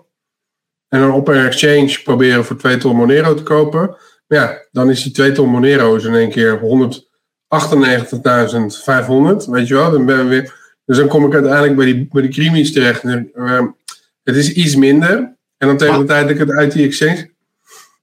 Wacht even een weekje, ik ga het wel even pumpen. ja. ja, maar het is. Um, ik, ik weet toevallig gewoon een. Um, een kennis van mij die had dat uh, met de Synolocker. Uh, die Synology ransomware. Uh, ja. Die, die, ja. En die moest, was echt lachen. Er was een bedrijf dat zat helemaal vast. Dat ze waren afhankelijk van die NAS. dus er moest gewoon moest betaald worden. En hij moest dat doen. Dus die, hij ging vervolgens, hij ging eerst bij Bitonic Bitcoin kopen. Ja. En toen zei Bitonic, ja dat is goed. mooie customer, 24 uur, bla bla bla. Dus hij Betonic opbellen. Ja man, um, ik snap dat jullie een procedure hebben, maar ik heb hier een bedrijf. En, dus die, en die gasten zeiden, oh, wil je toevallig 0,6 uh, bitcoin kopen of niet? ja, hij zegt, nou, je bent niet de enige vandaag. Dus die, die wisten al, zeg maar, hoe laat het... Nou, dus die hebben wel geholpen, dat was super chill. Dus dan hebben ze uiteindelijk, hebben ze al, heeft hij alle gegevens heeft hij gewoon direct naar die klantservice medewerker kunnen sturen. Die heeft de, de hele procedure alsnog afgerond voor hem. Okay. Toen had, had hij zijn knaken. Hè, hij helemaal blij. Moest hij het overmaken. Toen maakte hij het over. En toen was het 0,5 nog wat geworden. Want er zat transactie op. En had hij geen rekening mee gehouden. Dus toen had hij weer te weinig. Dus toen ging het niet automatisch open. Dus toen moest hij weer chatten met die gasten van Sinolocker. Van jongens, ik heb het overgemaakt. Maar ik heb niet geen rekening gehouden met transactiefees kunnen jullie alsjeblieft, want het was best wel kut om dit te regelen. Ja, ja zo ja. ja en die gasten die achter Sinalocker, die hadden echt zoiets van, ja, die, die 0.01 bitcoin maakt mij niet uit. Uh, dus, dus dat kwam wel goed. Uh, maar het was een, het was een hassle. Dat, uh, dat sowieso. Ja, sowieso. Maar laten we voorstellen, al die criminelen die ransomware verspreiden en dat alles doen, dat zijn gewoon, dat zijn gewoon assholes, zijn gewoon klootzakken. Hoe aardig de de helpdesk er ook op lijkt, je wordt gewoon afgepest. Dat is gewoon een bottom line. Er is een soort van uh, cyber Stockholm syndroom waar mensen die dan uh, godsvermogen betalen om een bestand terug te krijgen, uh, dankbaar zijn. Denk je gewoon, ja. dat, dat, klopt, dat rijmt bij mij niet, hè? Nee, daar klopt er geen kut van. Nou, we hebben maar... in het verleden hebben we een paar keer, we hebben al meerdere C2-servers van ransomware families opgerold. En ook al daar aangehaald, maar ook die C2-server, dan hadden we alle chats van alle, alle gesprekken. Ja. Om doorheen te lezen. Maar dan ook letterlijk lui die uh, echt dankbaar zijn dat alles terugkomt. Tot lui die zeggen van hey, uh, wacht maar tot je door mijn straat heen loopt en ik steek je neer met een uh, hoestige schroevendraaier. ja, ja, ja. Het is wazige dreigement. Dus ja, ja. lopen qua emotie. Dat was wel fascinerend om te lezen. Ja. En Sergej in, in Rusland die denkt, ik loop helemaal niet door, uh, door Vianen, dus ik maak me helemaal niet zo druk. Nee, precies. ja, die... oh. Maar ik kan me voorstellen dat mensen toch uh, bedanken, maar dan met name omdat ze in een, een hoogste situatie, bijvoorbeeld je hele bedrijf ligt plat. Ja. En je moet gewoon, weet je wel, je weet gewoon, ik ben de zak. Ik, ik, ik, ik, ik heb geen backup, mijn hele bedrijf ligt plat. Ik, dus ik moet betalen. En dan kan ik me goed voorstellen dat je, dat je daar zit en dat je denkt, ah, dankjewel, het werkt weer, het werkt weer. In een soort panische toestand. Maar het is natuurlijk inderdaad van de zotte, want die gozers die hebben je gewoon net voor ik weet niet hoeveel geld opgelicht. Uh, nog even los van de schade die je hebt omdat je plat ligt, alles moet opnieuw moet opbouwen. En je probleem is nog niet eens opgelost. Nee, want je weet niet hoe ze binnengekomen zijn. Nou, dat doen ze nog wel. Dat ze af en toe gaan uitleggen hoe ze binnenkwamen. Dan moet je wel even vragen. ja, ja, dat is waar. Maar ik vind dat, dat vind ik nog. Het is natuurlijk allemaal kut, maar het is wel chic dat ze dat dan doen. Ja. Wat, wat, het verbaast mij dat ik nog niet heb meegemaakt dat het gewoon gekript en dat je dan twee weken later dat ze binnen zitten en dat ze het gewoon nog een keer doen. Nou, ik heb wel eens meegemaakt dat mensen dubbel gekript zijn en dat gebeurt nog wel eens hoor. Omdat mensen zouden verhalen dat lijnen net ontsleuteld zijn. En die hebben dan niet hun eigen security aangepast. En dat zie je vooral met die. Uh, als je zo'n ransomware as a service hebt. En nu schiet zelfs paddenstoelen uit de grond natuurlijk. Al die uh, families. En dit, dit gaat nog wel een staartje krijgen natuurlijk. Want als jij je RDP uh, open hebt staan. Of dat zeg je vorige keer heb je je Pulse Secure niet beveiligd. Ja, dan je los, los gaan betalen. Maar de volgende die staat al in de rij om, om, om je weer lachend weer te versleutelen natuurlijk. Ja, die, die zat te wachten totdat je gecrypt, die, die crypt had. Zodat hij het weer kan crypten. Ja, precies. Dus uh, ja, je bent er nog niet als je betaald hebt, om het zo maar te zeggen. Nee, dat sowieso niet. Maar ik merk ook dat die, met name die RAAS-providers natuurlijk, dat, dat is, het is alweer wat meer een verwatering. Het is niet een merk zoals, zoals bijvoorbeeld Ryuk, uh, wat wat meer echt een merknaam is. Ja. Um, met Revel, dat je dan bijvoorbeeld, ja, er zitten gewoon uh, 20 of 40 affiliates achter. En de een die doet het op de ene manier en de ander op de andere. Dus het is al niet meer een soort standaard of zo. Hoe bedoel je dat, dat, dat, dat de, de aanval per familie allemaal gelijk zijn, bedoel je? Nou, nee, meer een kwaliteitsstandaard ook. Dus, dus hey, dat je goed gerenst wordt. Of dat het gedrag op een bepaalde manier is. Het is niet... Ja, dat verschilt per affiliate natuurlijk. Want uh, um, ik zie het ransomware probleem is niet zozeer we hebben het over een complete eh, intrusion en aanval. En uh, het ransomware probleem, we hebben het altijd, dat is het grappige, want er is eigenlijk 90% van, van hetgene wat er gebeurt, is, staat los van de echte ransomware. Dat is gewoon die intrusion. En het laatste stukje is die ransomware. En wat die, wat die aanbieden. Want in principe zou je het net zo goed met BitLocker kunnen doen. Of met uh, iets anders. En dan zeg je van nou, ik verplaats al je bestanden. Uh, ik gooi het in een, eh, een crypto container en ik e-mail je en zegt ik heb geld nodig.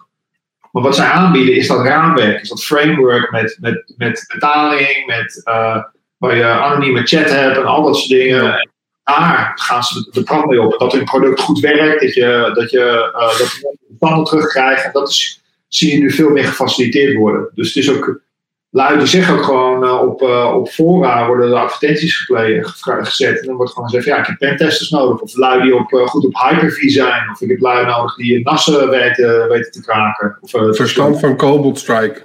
Ja, oh, die, die, die, die, komt iedere dag. Ja, het zijn gewoon pentesters. Je, ja. in 2014, 2015 zat ik op CTB-lokker met, met de collega's. En die, uh, die verspreiden zich heel veel door spammailtjes, maar ook door botnets en dat soort dingen. Dus je had heel veel spray and pray. Ik weet nog, KPN deed ook nog aangifte toen, want er was uh, een oud, was het commercieel directeur of zo? Uit zijn naam werden die mailtjes verstuurd. Oh. Ik wil die man nog steeds een keer zijn hand schudden, dat is Bob Bols, volgens mij. Oh. Die, uh, ja, dat was fantastisch. Ik zat er met Jaya en dan hadden we de aangifte opgenomen. Ik zei, hey, Bob Bols, die moet toch echt wel... ja, die zegt, ja, die hebben intern hebben ze zijn mail geblokkeerd, omdat uit zijn naam, als het ware. Dus al die phishing mailtjes die waren ondertekend door zijn naam. Ja, hij kreeg alleen maar gezeik over zich heen. Mm, ja, daar ja. moet je niet hebben.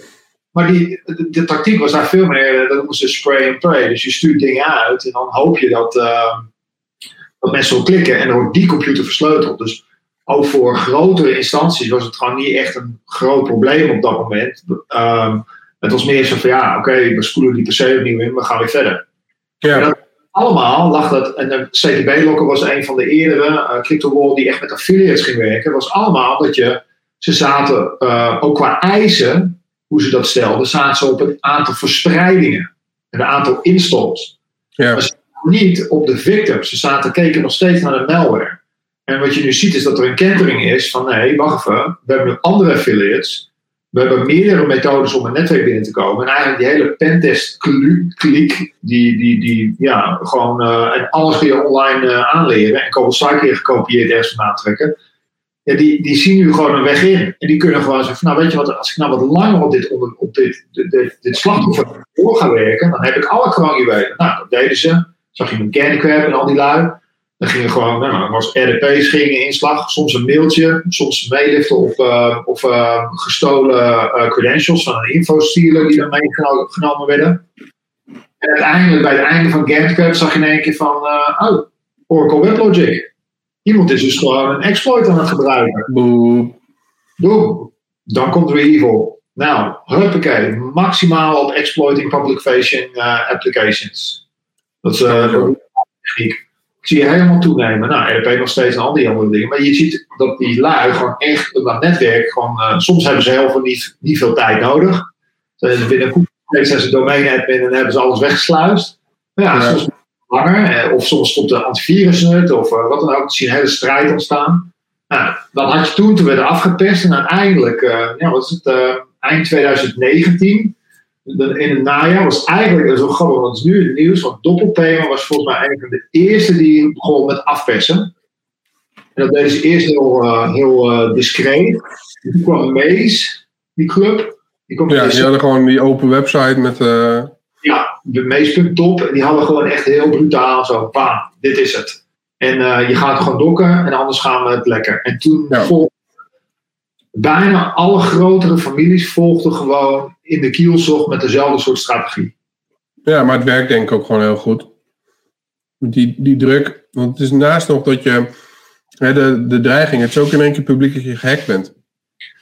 Ja, en uh, kijk, er is lange tijd natuurlijk een uh, perceptie geweest dat uh, ransomware geen databreuk is of geen uh, breach als ware. Dus hoef je niet te melden. En ja, ja het een beetje anders te worden natuurlijk.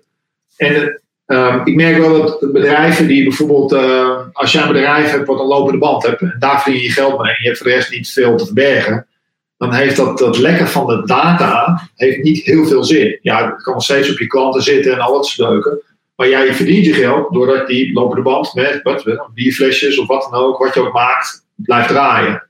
Dus die availability als het ware, die hebben hun prioriteit is het terugkrijgen van hun bestanden of, of hun bedrijven op, op, op poten helpen. Dat kan door die backups uh, terug te zetten, door gewoon uh, ja, een dikke middelvinger naar de, naar de boef te geven en dan gewoon zeggen: Nou, ik ga het gewoon uh, helemaal terugbouwen. Wat je echt mega vindt als het lukt. Maar ik snap ook dat bedrijven soms niet in die luxe zitten. Dat is gewoon echt, dat is gewoon de waarheid. En we kunnen daar vanuit onze, ik vanuit mijn bunker en jij vanuit je zolder een mening over hebben. Maar ja, wij zitten allebei niet, staan niet in hun schoenen, om het zo maar te zeggen. En, uh, ja. als je iemand man moet ontslaan, dan heb je een heel ander verhaal natuurlijk. Nou ja, ik denk zelfs, en dat, daar is er nog nooit een uitspraak uh, over geweest, maar je hebt als uh, bedrijfseigenaar heb je een bepaalde verplichting om je bedrijf in de lucht te houden. En als bestuurder. en als jij keuzes maakt die dus. als jij verkeerde keuzes maakt, dan kan het uiteindelijk zo zijn dat je al van mismanagement wordt beticht. En dan kan het zo zijn dat jij persoonlijk aansprakelijk wordt gesteld. En dat het dus ook jouw persoonlijke euro's gaat kosten. Dan ben ik benieuwd. Dat stel nou dat je dus niet zou betalen voor zo'n ransomware aanval. En daardoor ga je failliet. Of dat dan ook een mismanagement betekent. Dat, dat, dat dus dat je uiteindelijk privé kaal geplukt wordt. Omdat je principieel bent en niet uh, een crimineel uh, geld wil geven. Nou ja, als de minister van Justitie mag geloven, dan handel je naar zijn, zijn ziens. Wat heeft hij geroepen dan? Gaat niet betalen. Oh, echt? Ja. Wat ik, wat ik ook wel snap, maar ik snap ook dat de minister van Justitie uh, hoofdzakelijk natuurlijk uh, één kant van het verhaal hoort. En, uh, en dat merk ik wel. Want ik heb, ik heb natuurlijk bij de politie gezeten en dan was ik met Normal Ransom was ik ook Mr. Don't Pay. En dan ben ik, ik ben nog steeds principieel dat ik zeg van als je niet hoeft te betalen, moet je ook echt gaan betalen.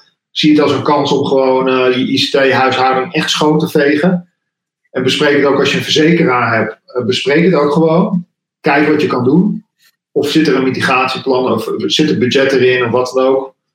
Maar uh, ja, dan kom je in de private sector en dan zie je het toch van de andere kant ook. En dan krijg je best wel wat meer respect voor de situatie. En dan ook met verzekeraars praat je en dan zit ik bij om tafel en dan zie je het ook van andere kanten. En, we zijn als Nederlander ook gewoon kei goed in andere mensen gewoon afzeiken. Gewoon zeggen van dat moet je doen en al dat soort dingen. Terwijl ik dan denk van, uh, praat ik met verzekeraars en dan hebben zij ook gewoon voorbeelden hoe het wel moet. En dat zij gewoon, en, en, ik, ik, zie ook bijvoorbeeld, eh, eh, eh, niet iedereen is met me eens maar ik denk dat een cyberverzekering um, op een hele natuurlijke wijze de baseline kan verhogen van het bewustzijnswording voor cyberrisico's.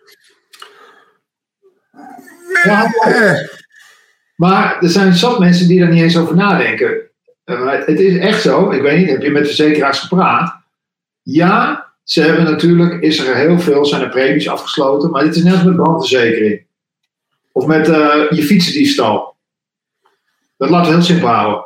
Ja. Uh, je hebt een fiets en die wordt gestolen. Wat moet je aan de verzekering laten zien? Ja, versleuteld, ja. Ja, dat is toch ook natuurlijk op een natuurlijke wijze tot stand gekomen. Jawel. En daar kan hier ook wel uit voortkomen hoor. Dat geloof ik ook echt wel. Sorry, wat zei je? Ik geloof echt wel dat dat hieruit voort kan gaan komen. Dat het uh, is, maar ik, daar, ze hebben wel die kaarten. Ze hebben wel de mogelijkheid om dat te creëren. En dat gebeurt ook wel zeker. Ja, alleen nu, uh, of nou dat is niet nu, maar toen, toen ik voor uh, een beetje ging, begon te horen van verzekering voor dit soort dingen, dan waren het altijd van zo'n hele gladde gasten die dat dan verkochten en dan koop je dat en dan hoef je niks meer te doen. Want dan ben je gewoon verzekerd. Ja, dan, dan heb je met andere verzekeraars te maken dan dat ik heb. Uh, dat geloof ik direct. Maar, maar toen, zo ging dat toen een beetje. Um, en uiteindelijk, als dan zo'n verzekeraar die onderhandelingen gaat doen en die betaling ook voor je regelt, uh, is dat natuurlijk een motivator voor, voor die criminelen. Dat kan. Alleen ik denk dat de grootste motivator voor criminelen is dat je netwerk niet op orde is. Mee eens. Maar je hebt, als je die verzekering hebt, dan heb je sowieso funding. Is geen discussie of je wel genoeg liquide middelen hebt. De verzekeraar ja, heeft wel. Uiteindelijk zijn er, zijn er duizenden uh, aanvallen. En er zal er altijd wel eentje tussen zitten die, uh, die op een website genoemd wordt dat hij een verzekering heeft. En dat het dan denkt van nou, hé hey, Kasi, daar gaan we even gas op geven. Ja. Maar dat is, dat is natuurlijk uh, niet de norm. Het vindt plaats. Kijk, uh, je kan uh, geen verzekering hebben en nog steeds je Pulse Secure VPN of wat dan ook niet geüpdate hebben. Dan word je nog steeds gek. Ja. ja. Welkom nog één op een domain admin account. Ja, ja, het zijn gewoon, ik zie een soort van tijgerhaaien en die grijpen gewoon alles aan als, wat, er, wat er te doen is. Ja, dat sowieso. Het zal ook sowieso doorgaan. En ik, het zou als verzekeraars een, een standaard kunnen gaan vragen van hun uh, klanten. Want anders dan kan ik je niet verzekeren of betaal je twee keer zoveel, uh, noem maar wat. Dan zal dat ook een, een positief effect hebben. Maar ben ik, uh, toen ik het, toen, dat lang geleden er wat van hoorde hoor. Maar toen waren ze nog heel erg op zoek naar, oké, ik moet daar een assessment voor doen, of mensen daar wel aan voldoen. En ik heb er een uur voor. En het mag 0 euro kosten om te bepalen of mensen het goed geregeld hebben. Ja. En toen dacht ik, ja, hoe gaan we dit nou? En, en dat weet ik eigenlijk nog steeds niet. Hoe ga je nou op een, op een hele korte termijn bepalen of iemand, dat, of iemand de boel goed geregeld heeft? Uh, hm? Ja, of iemand het goed geregeld heeft of niet. Ja, ja.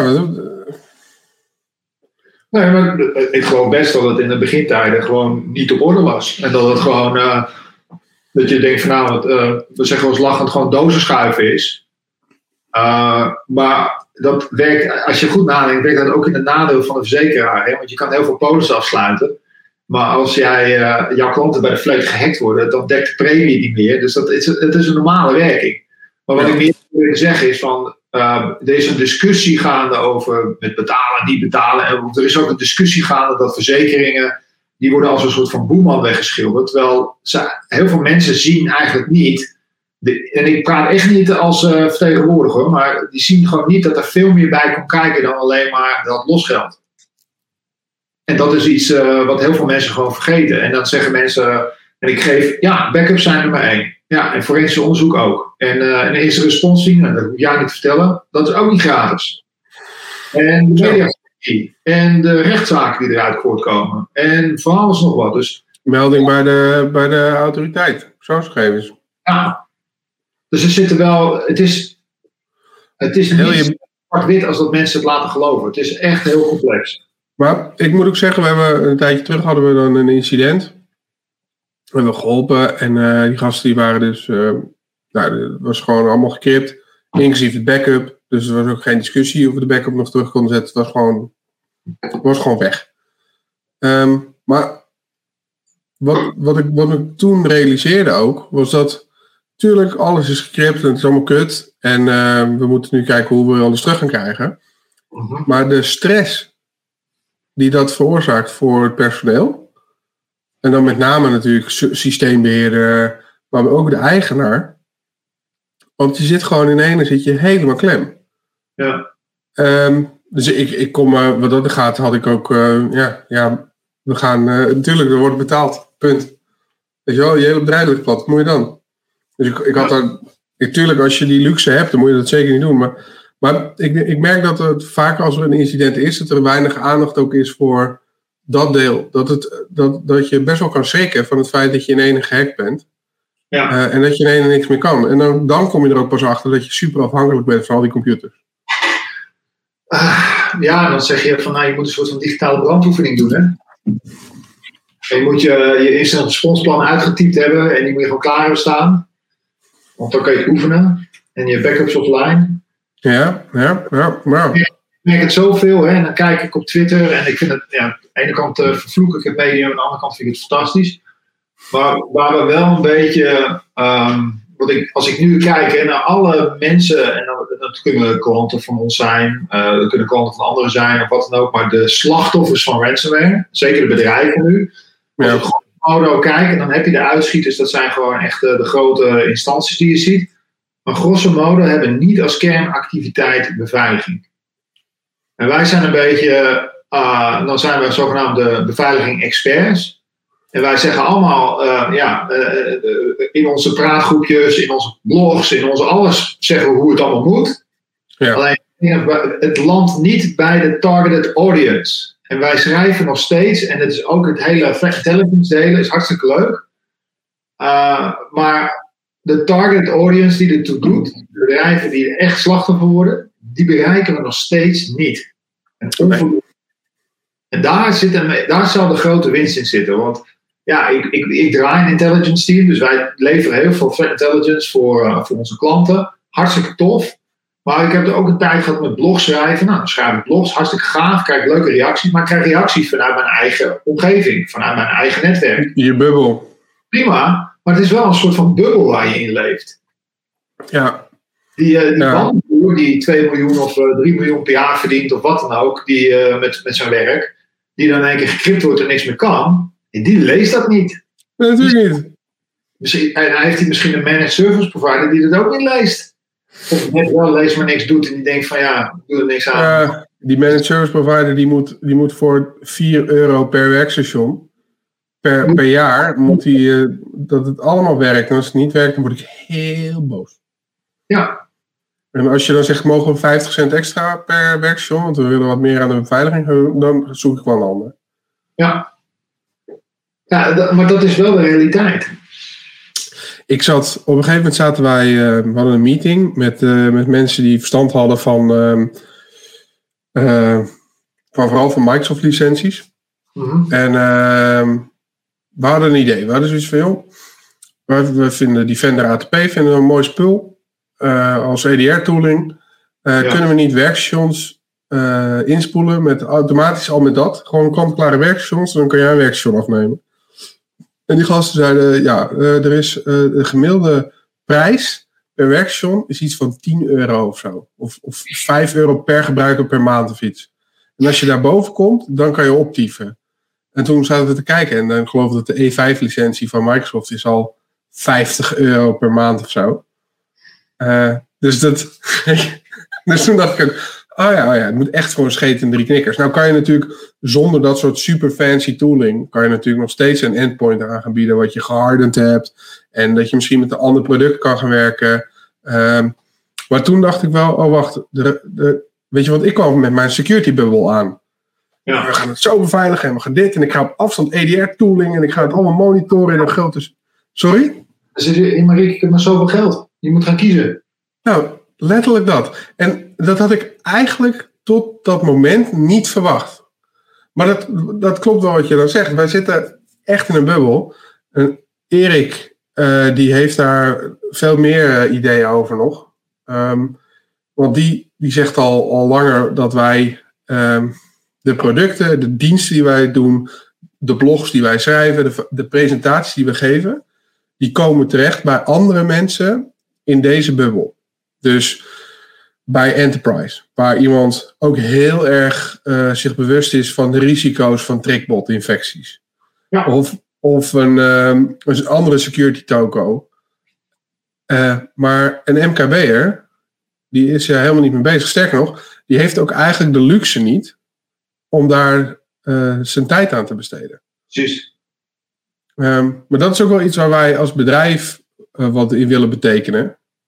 Wij zijn er nu vooral met de eerste stap bezig daarheen. Dat is voor Office 365. Mhm. en dat is eigenlijk om de beveiliging die grote bedrijven nu helemaal kunnen inregelen. Want dan heb je gewoon een Office 365 beheerder.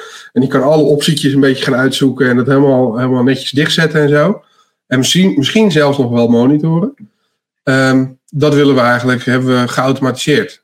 Uh, en waarvan het merendeel gewoon echt automatisch werkt. Want als je iets aan MKB wil aanbieden, dan kan je niet in één keer zeggen: Nou, hier hebben we Rick, hij is uh, security consultant, kost, kost je maar 150 euro per uur, maar dan heb je ook wat. Ja, die, die hele MKB denkt tief op. Ja, precies. dus dus uh, daar zijn we nu heel erg mee bezig. Met hoe kan je nou een groot deel van die dingen die je kan hebben als groot bedrijf zijn. En met, met allemaal slimme beheerders en security teams. Kunnen we daarin een aantal maatregelen die bij het meeste winst uitkomt. Deels automatiseren. Uh, om dat dan toch beschikbaar te stellen aan zo'n kleine, uh, ja, zo'n kleine toko.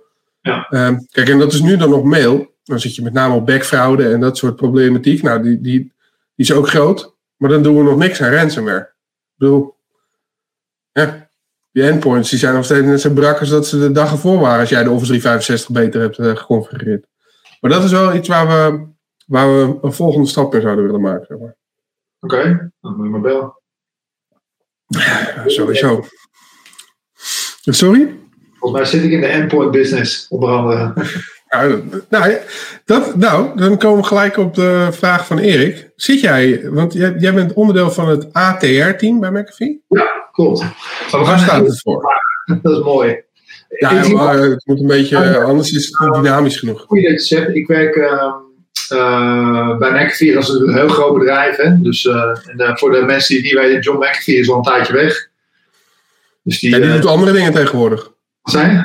Die doet andere dingen tegenwoordig. Ja, die zit wel leuk in de crypto en al dat soort dingen. Dus ja. Nou, maar goed, zijn naam staat er nog wel op. Dat is dan het ene. Um, en er zijn heel veel divisies. Maken heel veel producten.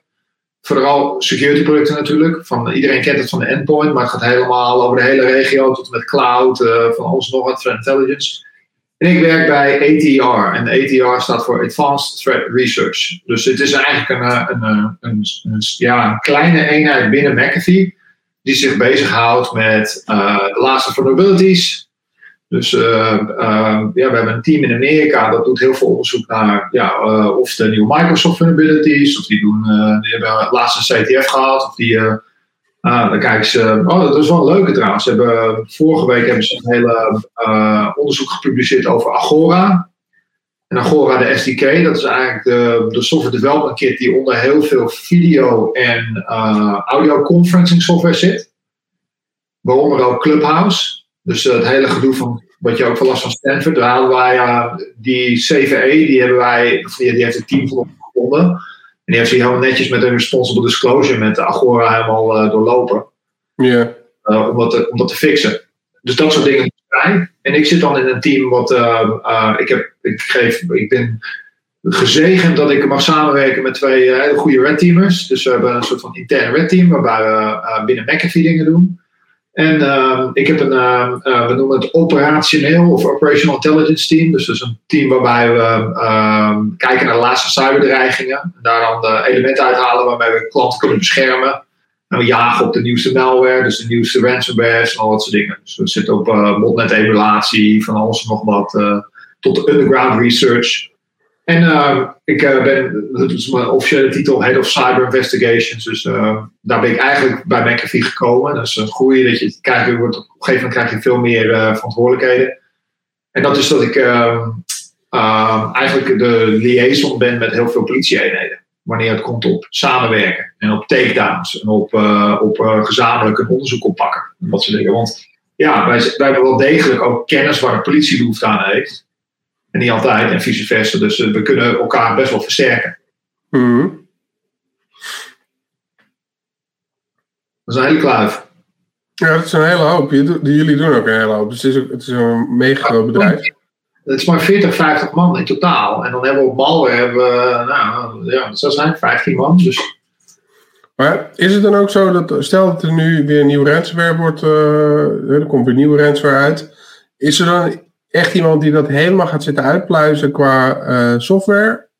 Ja, wij hebben, wij hebben uh, een aantal lui die zijn echt super reverse engineers. Mm. We hebben, gisteren hebben we een blog gepost over Babook. nou, dat was dan de eerste nieuwe ransomware van 2021. Natuurlijk zit je, heb je, als je, nou dat weet je zo ook, als je blogt, zeker bij een groot bedrijf gaat er wat, gaat er wat tijd overheen voordat je iets naar buiten kan sturen. Ja. Iedereen moet er een beetje zijn zegje over doen. Maar goed, wij doen uh, ook voor klanten doen analyse. Maar hij uh, kijkt bijvoorbeeld uh, naar nieuwe samples of nieuwe dingen. Dus, maar dat kan ook de nieuwste COC van APT28 zijn. En die trekt hij uit elkaar, die haalt, hij helemaal analyse eroverheen. Dan kijkt hij van nee, is er een nieuwe functionaliteit of iets anders. En met ransomware ook. Dus ehm, ja, hij was destijds op GetCrab. En, uh, en, we zaten met z'n twee zaten dan mee te spelen. En, en hij had het uit elkaar getrokken. En ik zeg van, hé, hey, wat zijn die, die nummers hier? Dat lijken wel, hij zegt, ja, dat lijken wel affiliate ID-nummers. Want dan gaat een beetje mijn opsporing gaat kloppen. Ik zeg, hé, hey, kunnen we niet gewoon alles van hunten? Dus we gingen gewoon alle samples gaan we bij elkaar verzamelen die we hadden van GameCrab. En die hadden we gewoon een tool gemaakt. En dan trokken we al die nummers eruit. En dan konden we één keer zien van maar dat is grappig. Je hebt allerlei nummers en sommige nummers komen terug. En als je dat dan over tijd neerzet, dus je pakt de compaaltijd van het sample en die leg je onder elkaar, dan uh, zie je de nummers toch wel een soort van incremental toenemen. Ja. De, de fora waar GetCrab op adverteerde. En toen zaten we te kijken van, hé, hey, oh wacht even. Uh, nou, die uh, user, die, die is positief. En die, en die zegt hier, oh, ik werk al een maand voor ze en ik heb zoveel geld verdiend. Ja. Ouch denk ik, oh wacht even, dit is datum tijdstip X. Nou, dan pakken we de lijst erbij met die samples, datum tijdstip X. Wat was het nieuwe nummertje? Nou, dan weet je dat diegene, dus het nummertje is daarboven. Dus zo deden we dat voor alles. Dan konden we dingen best wel leuk in kaart brengen. Nice.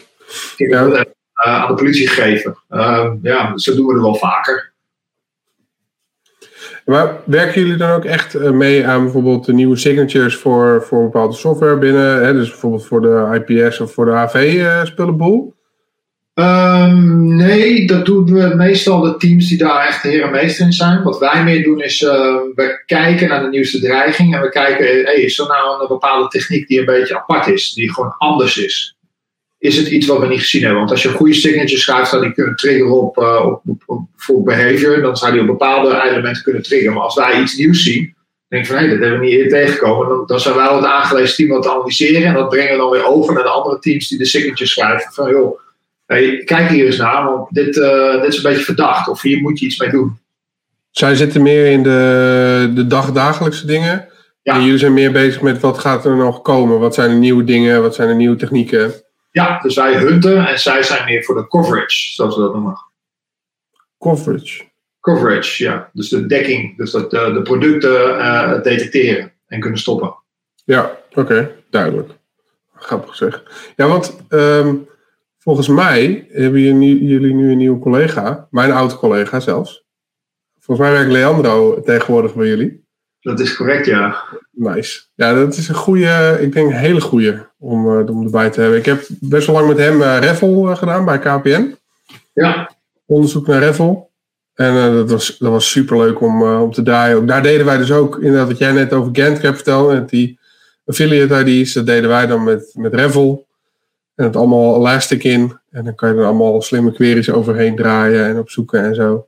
Ja, daar hebben we onze talk nog over gedaan bij, uh, bij Dimitri, bij Hackers Hotel. Ja, dat hebben we ook nog, dat hebben we ook nog samen gedaan, ook inderdaad. Ja, Dat is wel, maar wel lachen dat, dat, uh, dat het wereldje dus echt zo, ja, zo klein is, is het wereldje ook echt.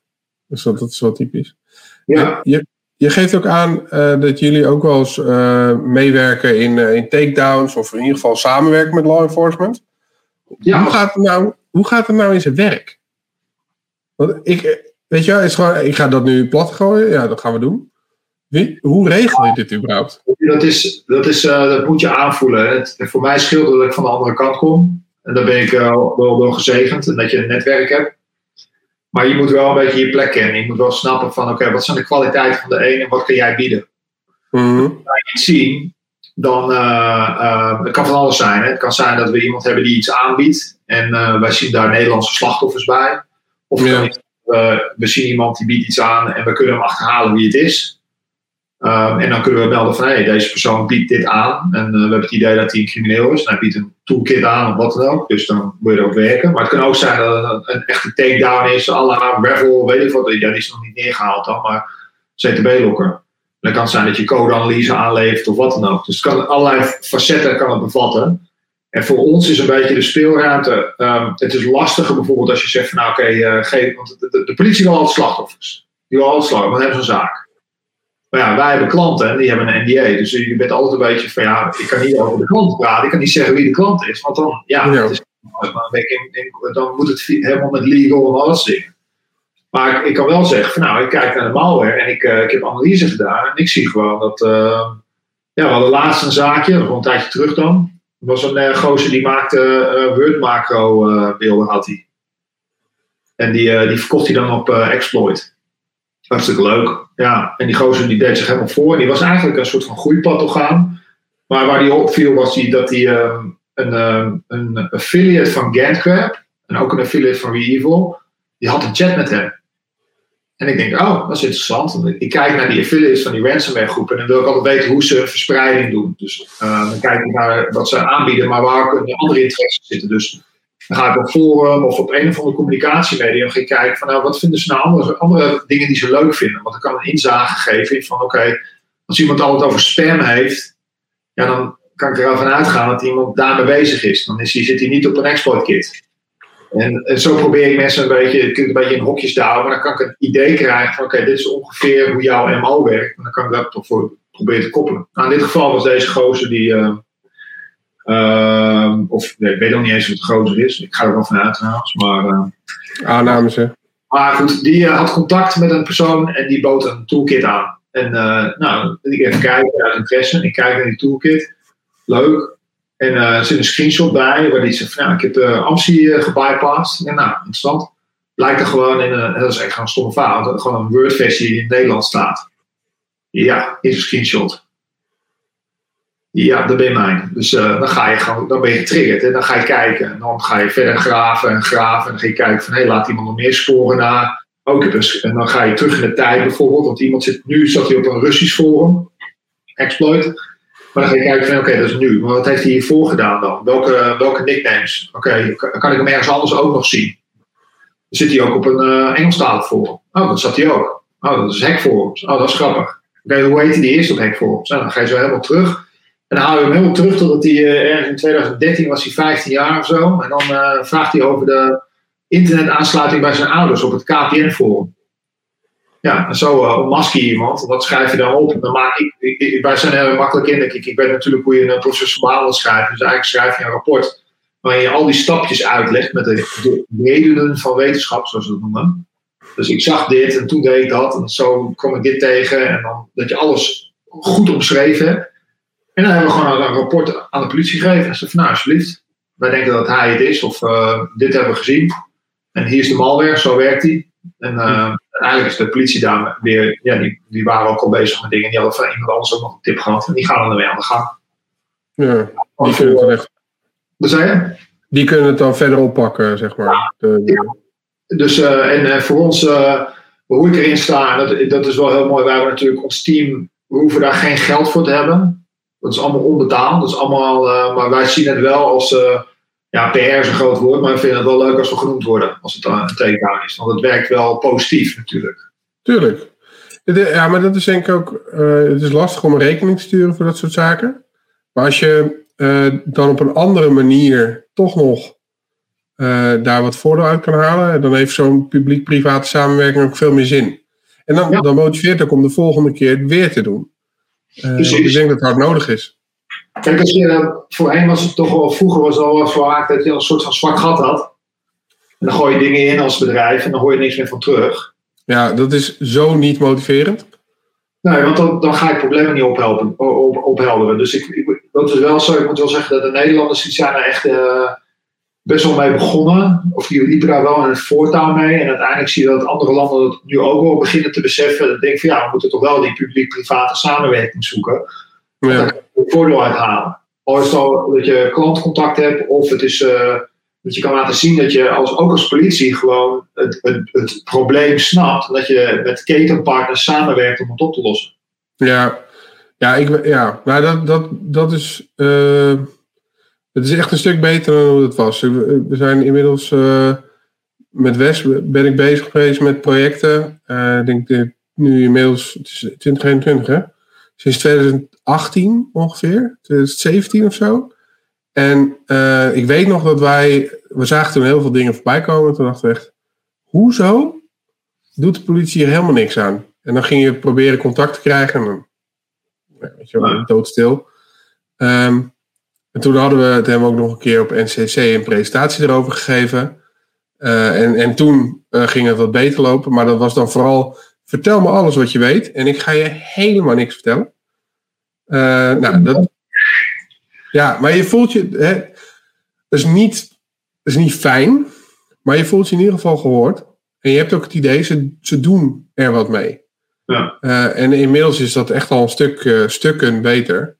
En ik denk dat het ook wel belangrijk is als je die, die communicatielijn openhoudt. Het moet, het moet op de een of andere manier iets opleveren. Er hoeft niet betaald te worden, maar je wil iets van je werk.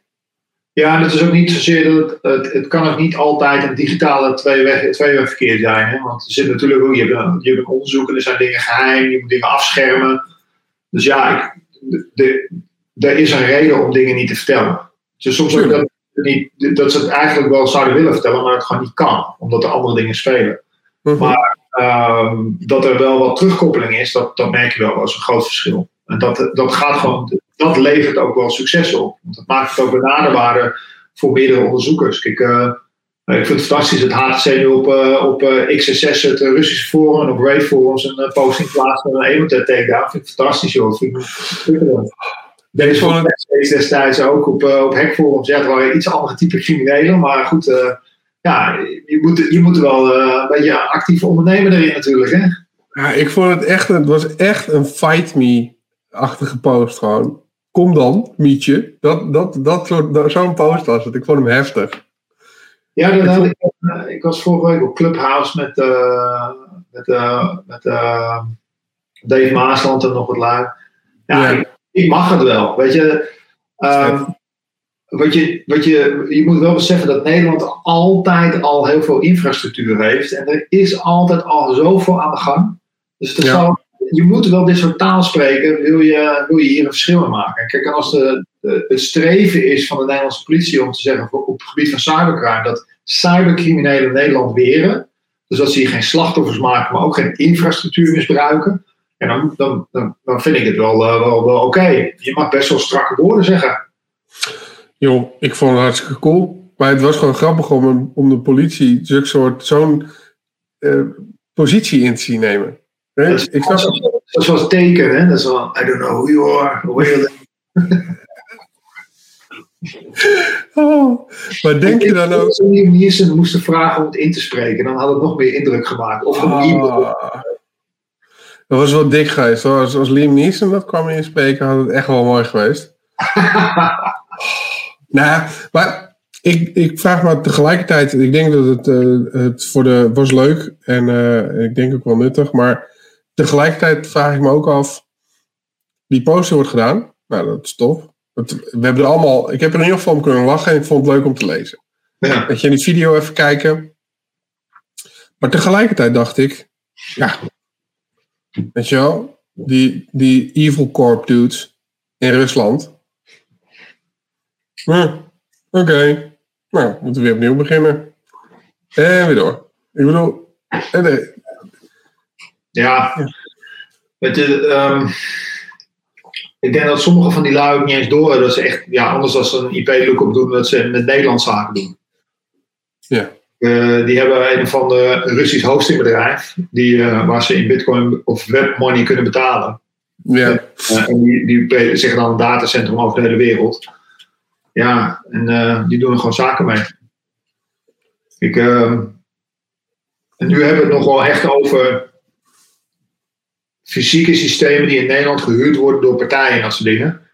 En dan hebben we het niet eens over de, de Yalishanda's en over de fast flux netwerken die, die gewoon uh, clouddiensten gewoon een instance opspinnen. En net zo in de lucht houden totdat die uh, eigenlijk gekild wordt door een uh, noodse takedown. Uh, door. Wordt alles doorgerouteerd. Ja, daar ga je wel naartoe. Ja, steeds meer. Nou, sterker nog, dat zou, de, de Nederlandse phishingboeren uh, zijn zelfs aan het kijken naar Fastflux. Okay. Dat, dat vond ik wel. En want botnets, die zijn er al langer mee bezig. En, uh, maar maar die, die in Nederland phishing is gewoon ja, VPS huren, panel uploaden en, uh, en mensen scammen. Ja. Uh, maar nu wordt daar ook al naar gekeken, want ja, het is toch wel lastig dat ik elke keer opnieuw een VPSje nodig heb. En, ja, en, en uh, mijn panel gaat elke keer uh, door de Google, uh, noem je het, safe browsing, um, word ik gevlacht. Dus ik moet hier iets mee. Dus die, die, die evolutie lo ze lopen echt achter hoor, op zo'n zo'n emotet-infrastructuur. Maar ja, het is wel interessant. Ik ben benieuwd of een, of een kamer ook zo'n zootje is bij die emotet-laag. Ja. T-ring. Draaide dat op die, op die 386 die daar in de hoek stond te verrotten? Ja. Dat draaide, nou. Ja, maar daar werd nog best. Er stond een hoop zilver kwam er vandaan. En ik zag, uh, was nog goud. Waarschijnlijk die, die, die, die crypto wallets die, er, die ertussen lagen, die, daar zat echt geld op hebben gestaan. Ja. Nou, ik ben wel benieuwd hoeveel dan. Zeg maar. Gewoon. Hoe, ja. Dat zou je aan de Oekraïners moeten vragen. En dan weet je het niet eens. Ja, en dan is het nog niet eens. Ja, dan hebben ze in het, in het begin misschien wel heel veel banking malware uh, gebruikt of uh, geld weggesluist.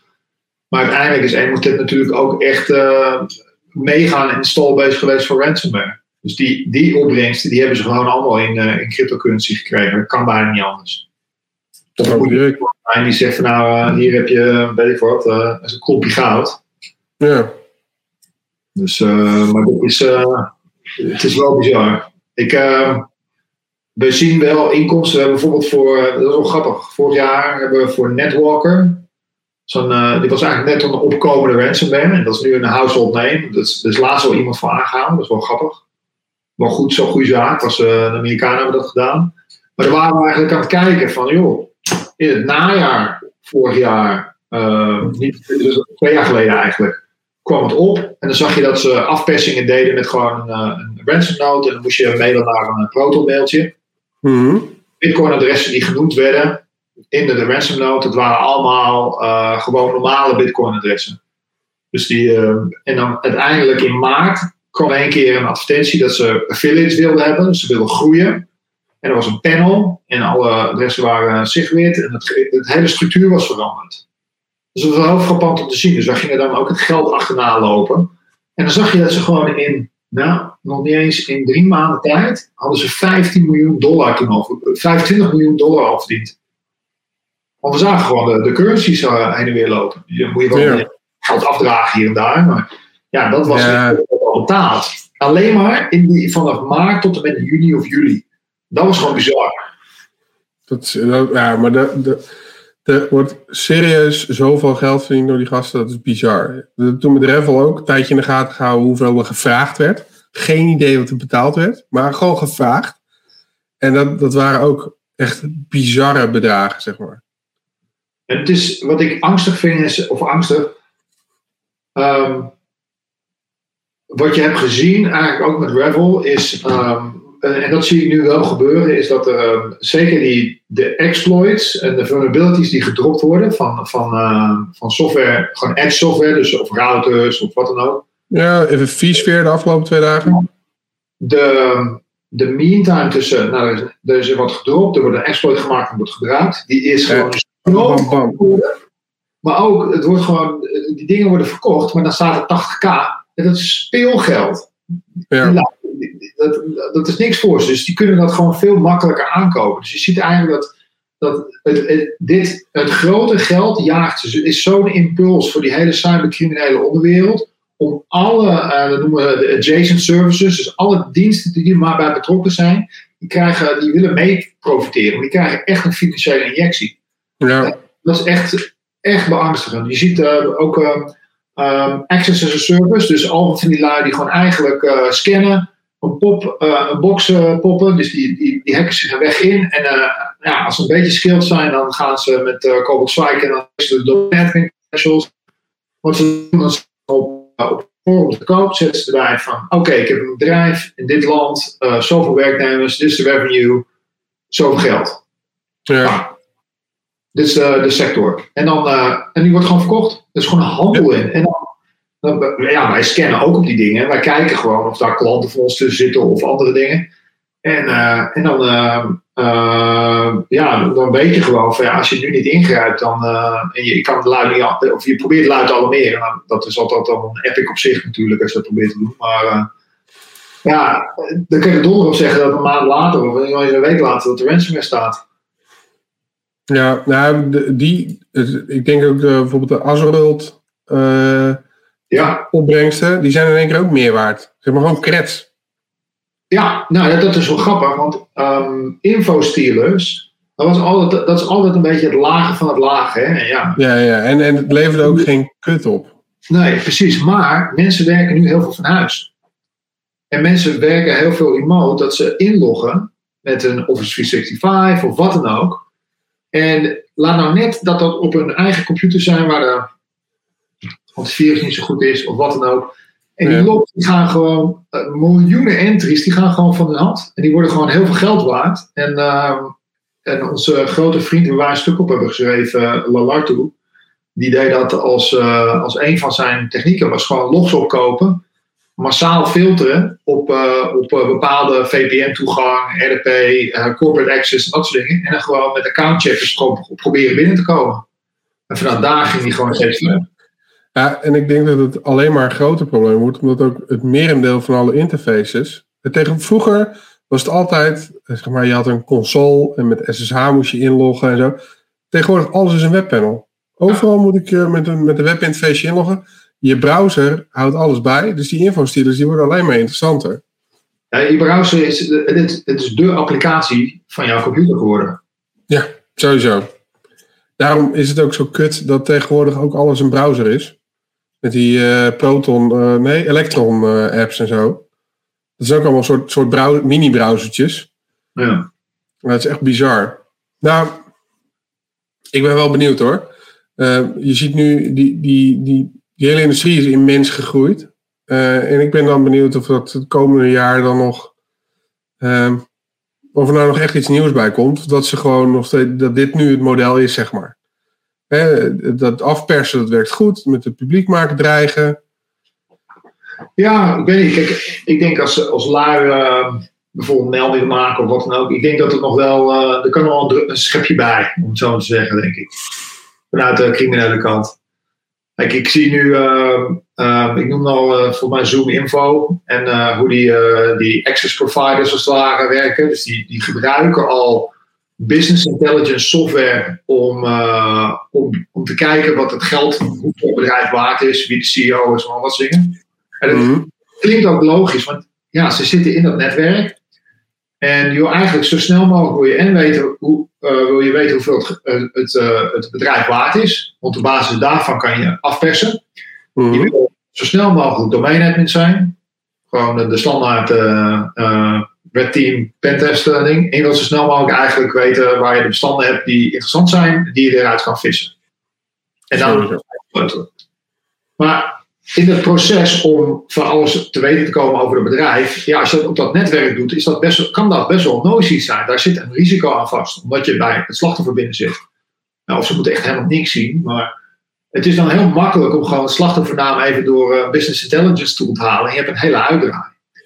Nou, wat, ik, wat, wat mij nog opvalt, wat in mijn zin nog heel weinig is gebeurd, is dat mensen gewoon niet gewoon opgebeld, ja, het is een paar keer gebeurd, er worden lui opgebeld in plaats van dat ze niet alleen de bedrijfsgeheimen neerzetten, dat ze gewoon eventjes googlen naar de CEO of naar degene die echt over de centen gaat. En dan gewoon iets verder googlen dan een telefoonnummer. En dan zeggen ze van nou meneer, uh, ja, uw eh, zoon gaat van het weekend uh, op hockey. Nou ja. en tuurlijk kan het een loze alarm zijn, maar je zou er maar voorstellen als ondernemer dat iemand aan de andere kant van de lijn en je bedrijf gijzelt en dan gewoon lachend zegt van waar, die, waar je woont, dat hij alles van je weet. Ja, ja, dat helpt denk ik wel met motiveren om te betalen, heb ik zomaar een donkerbruin vermoeden. Ja, dat denk ik ook. Dus ik hoop niet dat mijn voorspelling uitkomt. Maar ja, je ziet het ook met, uh, met phishing. Waar uh, het zeg maar voorheen, uh, helemaal vroeger, stuurde je gewoon een miljoen e-mails. En dan vroeg je om gebruiksnaam wachtwoord en dan hopen dat het lukt. En tegenwoordig, nou, wij hebben wel al die QR-codes en, en kastjes en scanners. Dus het is allemaal live tegenwoordig. Dus we zitten erachter en ik loos jou als het ware door je hele login-proces heen. En ondertussen ben ik echt bij jouw bank aan het inloggen met jouw gegevens. Ja, precies. Maar nu, uh, hè, ze, hebben, uh, ze kopen informatie in. Bij, uh, nou, dat is bij de GGD dan nu publiek gebeurd. Maar dit gebeurt op megaschaal bij alle bedrijven in Nederland. Um, die informatie, die heb ik al over jou. Dus ik kan jou opbellen. En ik weet al dat je bij die in die bank zit. Ik weet waar je woont. ik heb al die informatie. En spoofing is zeker, nou, met name voor de jaarwisseling was het een mega probleem. Dat mensen opgebeld werden het nummer wat, wat je belde, dat zei gewoon doodleuk ik, uh, dat het uh, de ING, de Rabo of de ABN was. Je telefoon zegt het gelijk. Die zegt het gewoon Rabobank. Ja, dat is best wel kut. Uh, dus dan werd je gebeld. En dan word je gewoon door net iemand en die, is jou aan het uitleggen dat je met die en die rekening hebt en die en adres. We hebben net gezien dat er iemand heeft geprobeerd 10.000 euro van jou te pikken. We hebben tegengehouden. Maar om toch te zorgen dat, dat, uh, dat uw geld veilig is, stellen we voor om uw geld over te maken naar een kluisrekening. Ja, ja, dat moet gebeuren. Ja. En bam, geld en kluisrekening, eh, alles weg. Maar dan ineens pak je dus niet meer wat de overmaaklimiet is. Nee, je pakt gewoon, je pakt gewoon alles. Het is gewoon weg. Oh, nasty, ja. ja. En, en, de, en de bank, zeker in het begin, zei de bank, en dat is dan één bank, uh, zei de ING, zei gewoon doodleuk. Ja, ja, ja, maar je hebt het zelf overgemaakt. Dus uh, dat is jouw probleem. Ja. En er waren mensen die hadden dus al hun spaargeld overgemaakt. En de ING die zei gewoon, ja, die voor je. Dus, dat was schaamteloos trouwens. Maar ik geloof dat ze daar inmiddels ook wel weer van terug, uh, terug zijn gekomen. Ik denk dat de banken nog best wel coulant zijn op sommige dingen. Ja. Ik, ik, als ze, ik kan me ook wel voorstellen als een bank onbekend is met een MO, dat ze dan, uh, en zeker zo, dan zijn ze soms een beetje halstarrig. Maar ja, ja, er is toen in zo'n korte tijd zo verschrikkelijk veel geld gestolen. Inmiddels wisten ze het MO wel.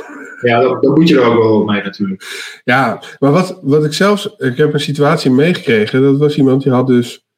Die ontving een... Uh, werd gewoon gefisht, zeg maar. Ouderwetse stijl. En uh, later die dag werd hij dus naar gebeld. En dan die nieuwe stijl die ik je uitlegde. Maar die eerste fish was dus al gelukt. Dus ze wisten al wat je op je rekening hebt staan. De, de, bedragen weet ze al. Kijk, en als je natuurlijk, stel dat er nu 10.000 euro op staat, dan kan je gewoon gaan overboeken, met geldezels gaan werken en dan trekken we het allemaal uit de muur. Maar als er natuurlijk een ton staat, of twee ton, of, of nog veel meer, dan is het veel fijner als iemand het gewoon voor je doet. En dus dan met dat bellen, en je kan ook nog zeggen, er staat nu 100.444 euro op je rekening. Ja. ja, je maakt het steeds aannemelijker dat je echt de bank bent uiteindelijk lopen die criminelen hebben toch nog steeds een, uh, er is nog steeds een uitdaging met het cash-out natuurlijk. Hè? Want ja, je moet een rekening hebben. Ja. En dan zit je, kom je heel gauw in dat mule-traject. of je moet uh, ja, een cryptocurrency omzetten of wat dan ook. Dus er zitten altijd zo'n elementen in waarbij je dan afhankelijk bent. dat vind ik wel, wel interessant. Ik heb al een paar keer op wat mules uh, gewerkt en we hebben ook onderzoek gedaan. Ja, de meest glorieuze mensen die er, die, die, zitten ook niet in een situatie altijd dat je denkt van zijn over de hele kwetsbare mensen vaak ook, die, eh, die onder druk gezet worden. Ja, ja, ja, ja. Het is, daar zit ook wel een, eh, een stukje in wat uh, meer georganiseerde misdaad is hoor. Want we hebben zo'n, we hadden een van de eerste onderzoeken die ik deed bij HTC was het dan, was, er was een, een hacker die, die, die gebruikte gewoon red tools en die, die hackte erop los. En de Mule-element was gewoon een, een van de top 600 uit die stad die eigenlijk draaide. En die had gewoon al die bankpasjes in de, in de, in de tank. En uiteindelijk werkten we samen met een van de banken. En die, die konden heel mooi dingen in de gaten houden. En die zagen gewoon dat, dat er een device op meerdere rekeningen keek die niet aan hem toebehoorden. Kijk, ja. En dan ga je, zo ging het balletje een beetje rollen. En uiteindelijk dan, dan bleek die hacker of de hacker, de, de cybercrimineel. Ik heb een, een, slecht woord aan, aan hacker, want ik vind het meer een positieve zin. Maar de cybercrimineel, die, uh, die, uh, die stond ook nog onder druk van die gozer. Maar ja, top 600 is het makkelijker om uh, een cybercrimineel die in zijn fletje zit af te persen en te laten werken voor je, als dat je laat dealen of geweld moet plegen. een stuk meer risico en een, een ander broekie af een beetje onder druk zetten is makkelijker. Dat is toen toch ook gebeurd met de haven van Antwerpen. Dat was uiteindelijk een securitybedrijf die die gasten hadden, hadden gehackt. Ook onder, onder dwang van een, uh, van een uh, was het niet iets van koop? Een andere koopdealer uit, uit Amsterdam of zo was dat. Die heeft dat uh, helemaal georchestreerd. Ik weet wel van Antwerpen dat er een keer een hack is gepleegd omdat ze gewoon ingebroken hebben om die containers aan te passen. Bedoel je die? Dat was die hack. Daar hadden ze de, in de stekkerdoos zaten de Raspberry Pi's gebouwd, zeg maar. En daar konden ze op het juiste wisten ze gewoon precies, die containers uit daar. Dus nog voordat de douane of iemand kan gaan kijken, waren die dingen al leeg. Uh, maar die hack die is dus uitgevoerd door een securitybedrijf uit België. Ah. En de eigenaar daarvan die was namelijk op zoek naar een investeerder. En die is via via op een gegeven moment in gesprek gekomen met iemand die dus mega kook importeerde. via Antwerpen. En die, die zat in Amsterdam. En die heeft gewoon gezegd, maar ik schiet je anders dood. Ja. ja. ja ik betaal wel voor je, maar dan, uh, dan uh, ja, weet je, moet je doen wat je wil. Ja, nou dus uiteindelijk die is op een verschrikkelijke manier in de tank gekomen bij dat soort gasten. Ja, en dan, ja, laat ik zo zeggen, ik zou niet in een situatie willen zitten. Dat lijkt me een hele, een hele nare, zeg maar.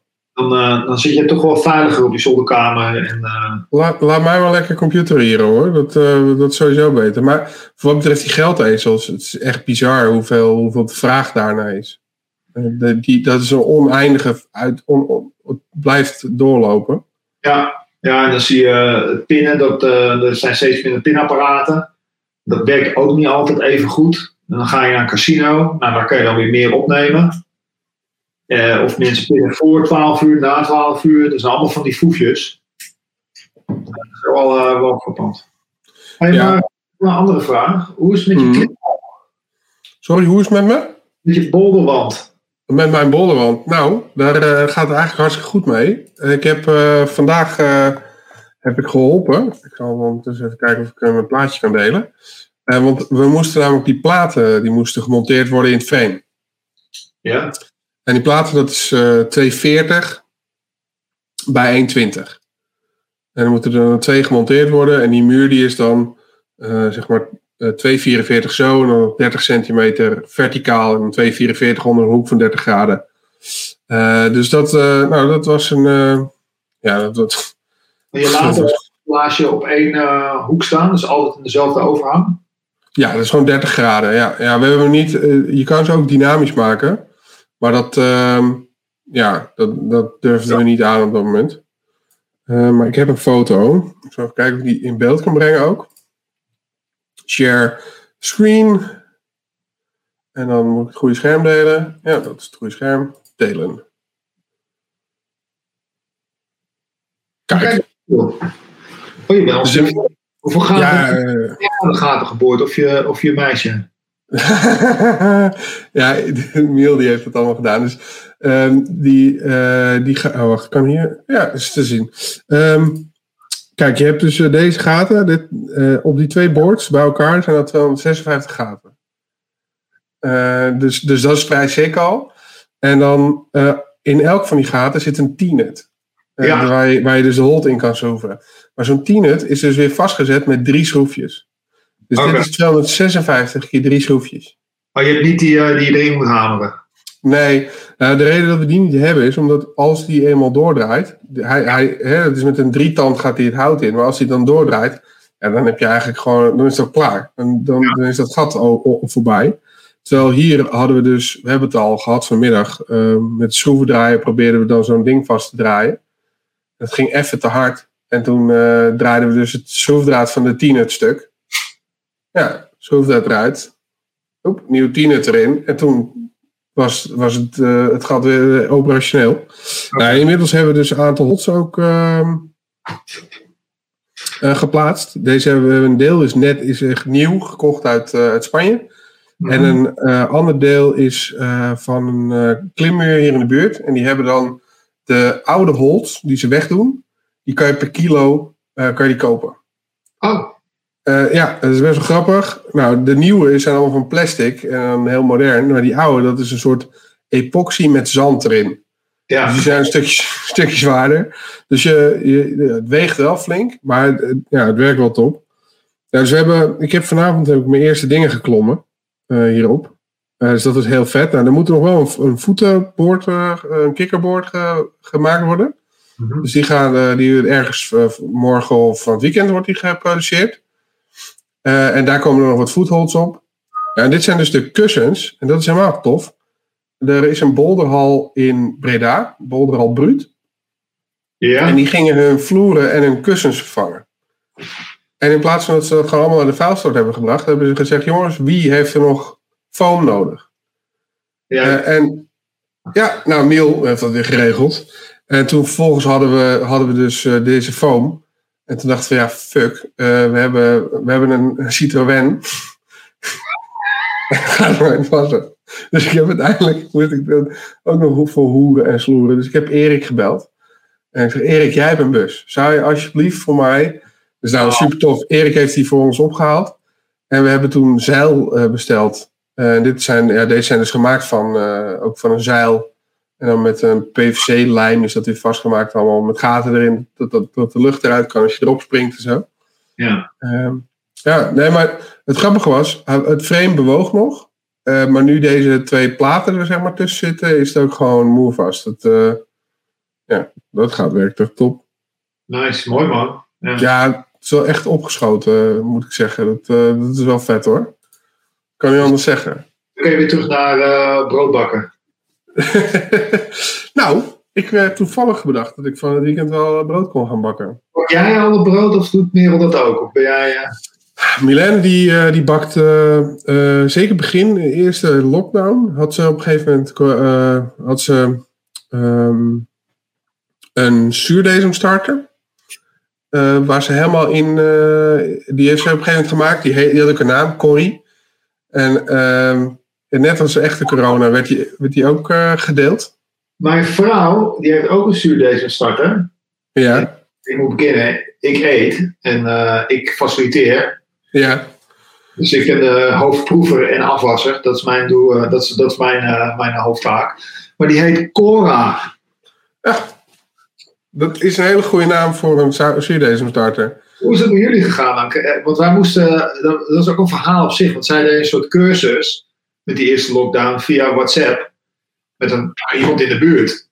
En dat bleek nou, gingen we dit- deze opstarten. Die vrouw die deed dat wel vaker. En het leek net alsof we een of andere drugsdeal deden of zo. Want we moesten in de buurt en dan een trappetje op. En dan aan de deur had ze allemaal van die kleine zakjes hangen. Waar allemaal van die eh, starters in zaten. Ja, En dat spul mee naar huis. En ik echt wat is dit jongen? Echt, eh, dit, ja. En dan, oh, de belletjes voor de groot. En dan denk ik, oh, weet je Ja. wel. Ja, ja, ja. Maar het Ja, ik eh, geniet er wel van. Het is echt heel lekker. Het is ook veel lekkerder dan het brood uit de supermarkt. Ehm, wat wij hebben, wij hebben echt opgekweekt vanuit niks. Dus gewoon water met bloem. Mengen, laat Wauw. staan. En dan de volgende dag. En uiteindelijk op een dag leeft het. Dit is wel Ja, echt. Maar dus eh, toen, eh nou, Milena die, zit in, die zit in het onderzoek. Dus die werkt ook veel in het lab. En het, die, we- het werkte, het, leefde en we hadden broden ook.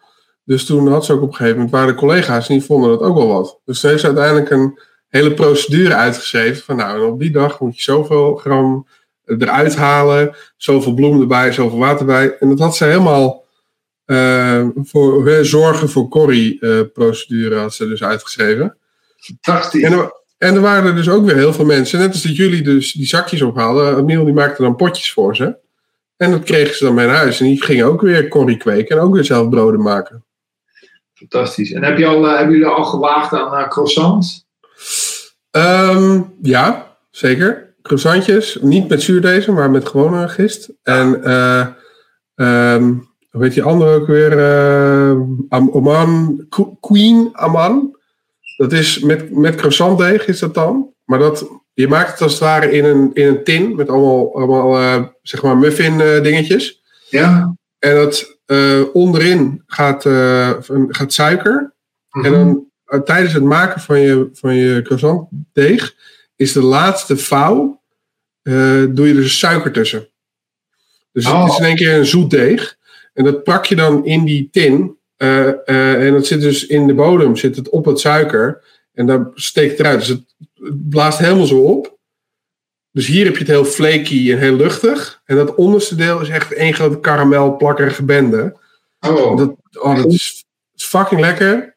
Ehm, dat is, maar dat zijn echt wel leuke projectjes om op te pakken. Want ja, Ja. net als, net als eh, vroeg ik iemand vandaag van ja, die Boldermeer, het, eh, dat was West trouwens, die zegt joh, die Boldermeer, dat doe je ook denk om, omdat het eh, met COVID en lockdown tijd. Ik zeg ja, nou ja, je moet een beetje jezelf vermaken, toch? Ja, ja, mijn vrouw die, eh, die doet dat in. eh, die, is- ja, ik geef je gewoon gelijk. Die doet croissants dan. Dat is nu een nieuwe uitdaging. En dan heb je de, de mentale rollercoaster van het lukt wel, of ze groeien niet. Of, eh, en, en croissants is helemaal lastig, want je hebt heel veel boter en dan moet je vouwen en dan moet het weer koelen. En dan, oké, dan rolt het niet te veel of te veel uit. Het kraakt open. Dus ik zit er dan een beetje in de buurt bij en dan krijg ik natuurlijk als mentale steun alles over me heen.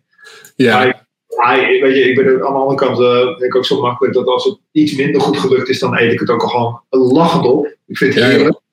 Ik vind Zeg maar- heb verloren, alles gaat op. tuurlijk. Ik bedoel, slecht zelfgebakken brood is nog steeds lekker. Ja, precies. Ik vind het fantastisch. En zij is helemaal van, ja, oké, en dan eh, moet ik eh, met een scheermes en dan scoren en al dat soort dingen. Dus eh, en van de ik een goede mixer gekocht. Nice. eh, voor, de, voor de verjaardag. En dan, eh, ja, die gaat helemaal los, joh. Die vindt het fantastisch. Ja, ik vind het ook beef jerky gaan maken. tof, tof. Daar heb je een leuke video van, van ehm, Elton Brown. Dat is een, eh, Frans, of een Amerikaanse tv-maker slash kok. Hij maakte vroeger, was ooit begonnen als reclamemaker. Oké. Dus reclamevideo's en zo. En dat vond hij niet leuk.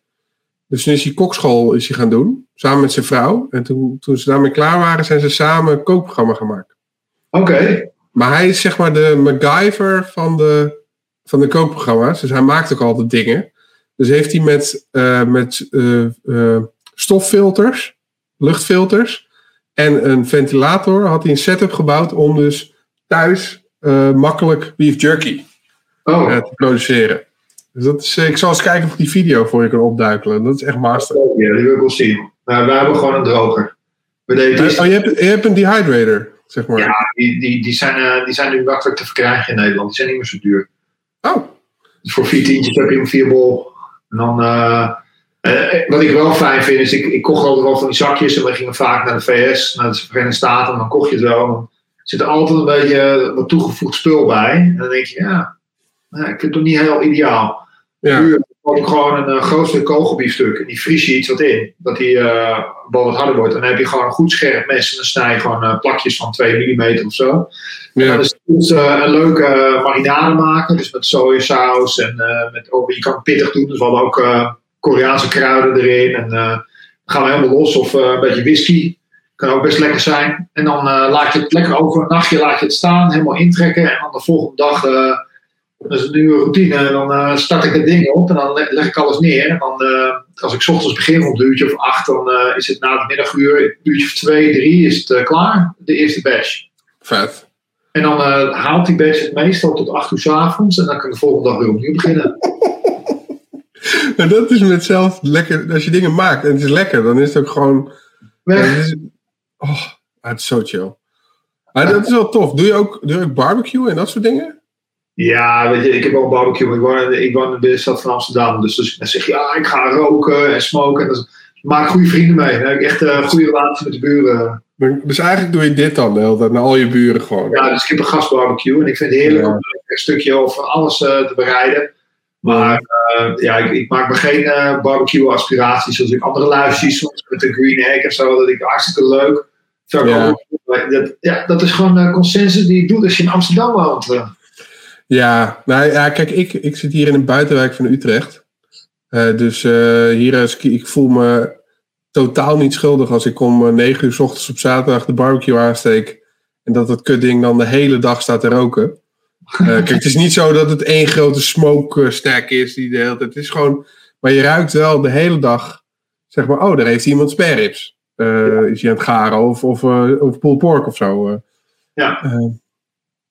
Eh, ja, vroeger mocht ik dat dus niet bij mijn ouders. Die zeiden, nee, ik krijg ruzie met de buren. En tegenwoordig dan uh, zoiets van, ja, het zijn nu mijn buren, dus ik hoor het wel. Ja, precies. Dan nodig je uit voor het eten. Ja, hier heb je sperrips, mond houden.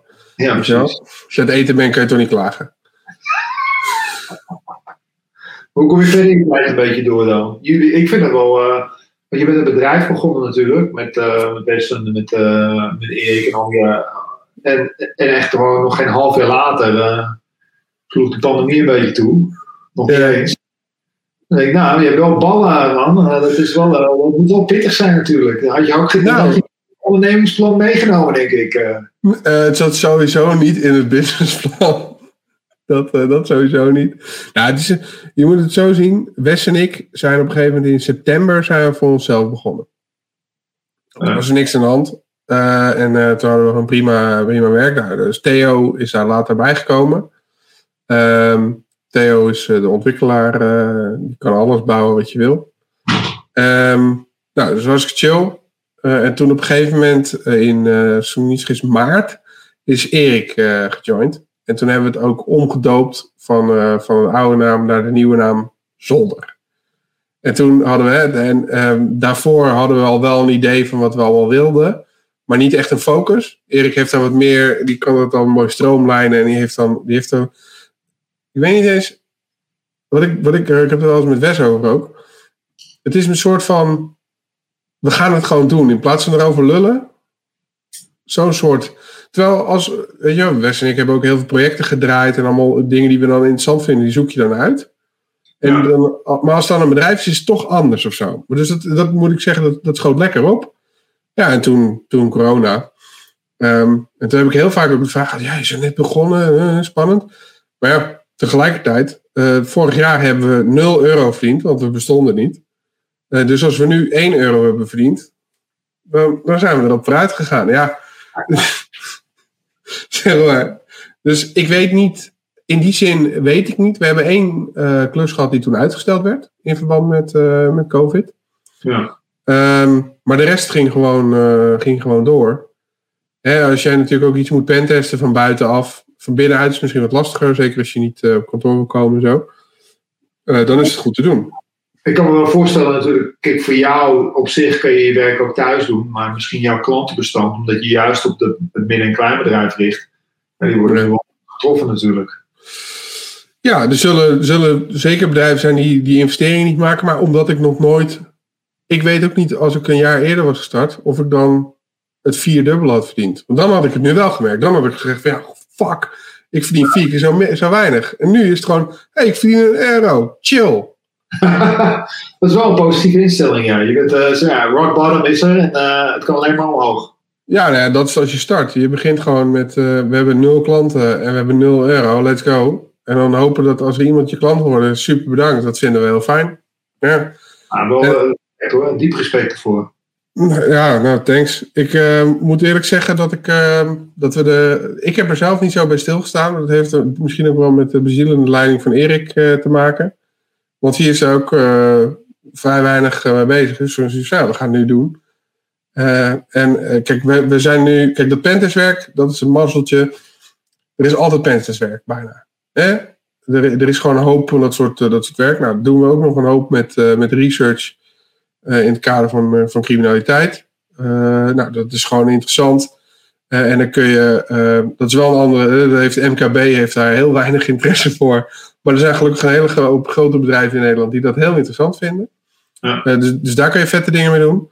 En ondertussen hebben we eigenlijk gewoon het afgelopen jaar, bijna nu een heel jaar, zijn we bezig met de development van onze, eh, van, die, van die mobile app eh, en het platform om die Office 365 omgevingen te kunnen eh, beveiligen. Dus een heel groot deel van onze tijd is echt letterlijk gewoon ja, dev-tijd, zeg maar. Dus daar, eh, ja, daar zijn we gewoon heel veel mee bezig geweest. Dat, dat is nu Dev- bijna af. Klimmen, brood bakken, nou, Check, check. En computeren natuurlijk, hè, hobbyen. hobbyen. Nintendo. Ja, kijk, want zoals die hele, die, die klimmuur, die heeft, Milijn heeft die gewoon gebouwd en ik heb af en toe dingen getild, zeg maar. Dat is, dat is heel mijn, eh, mijn taak geweest in dit, eh, dit proces.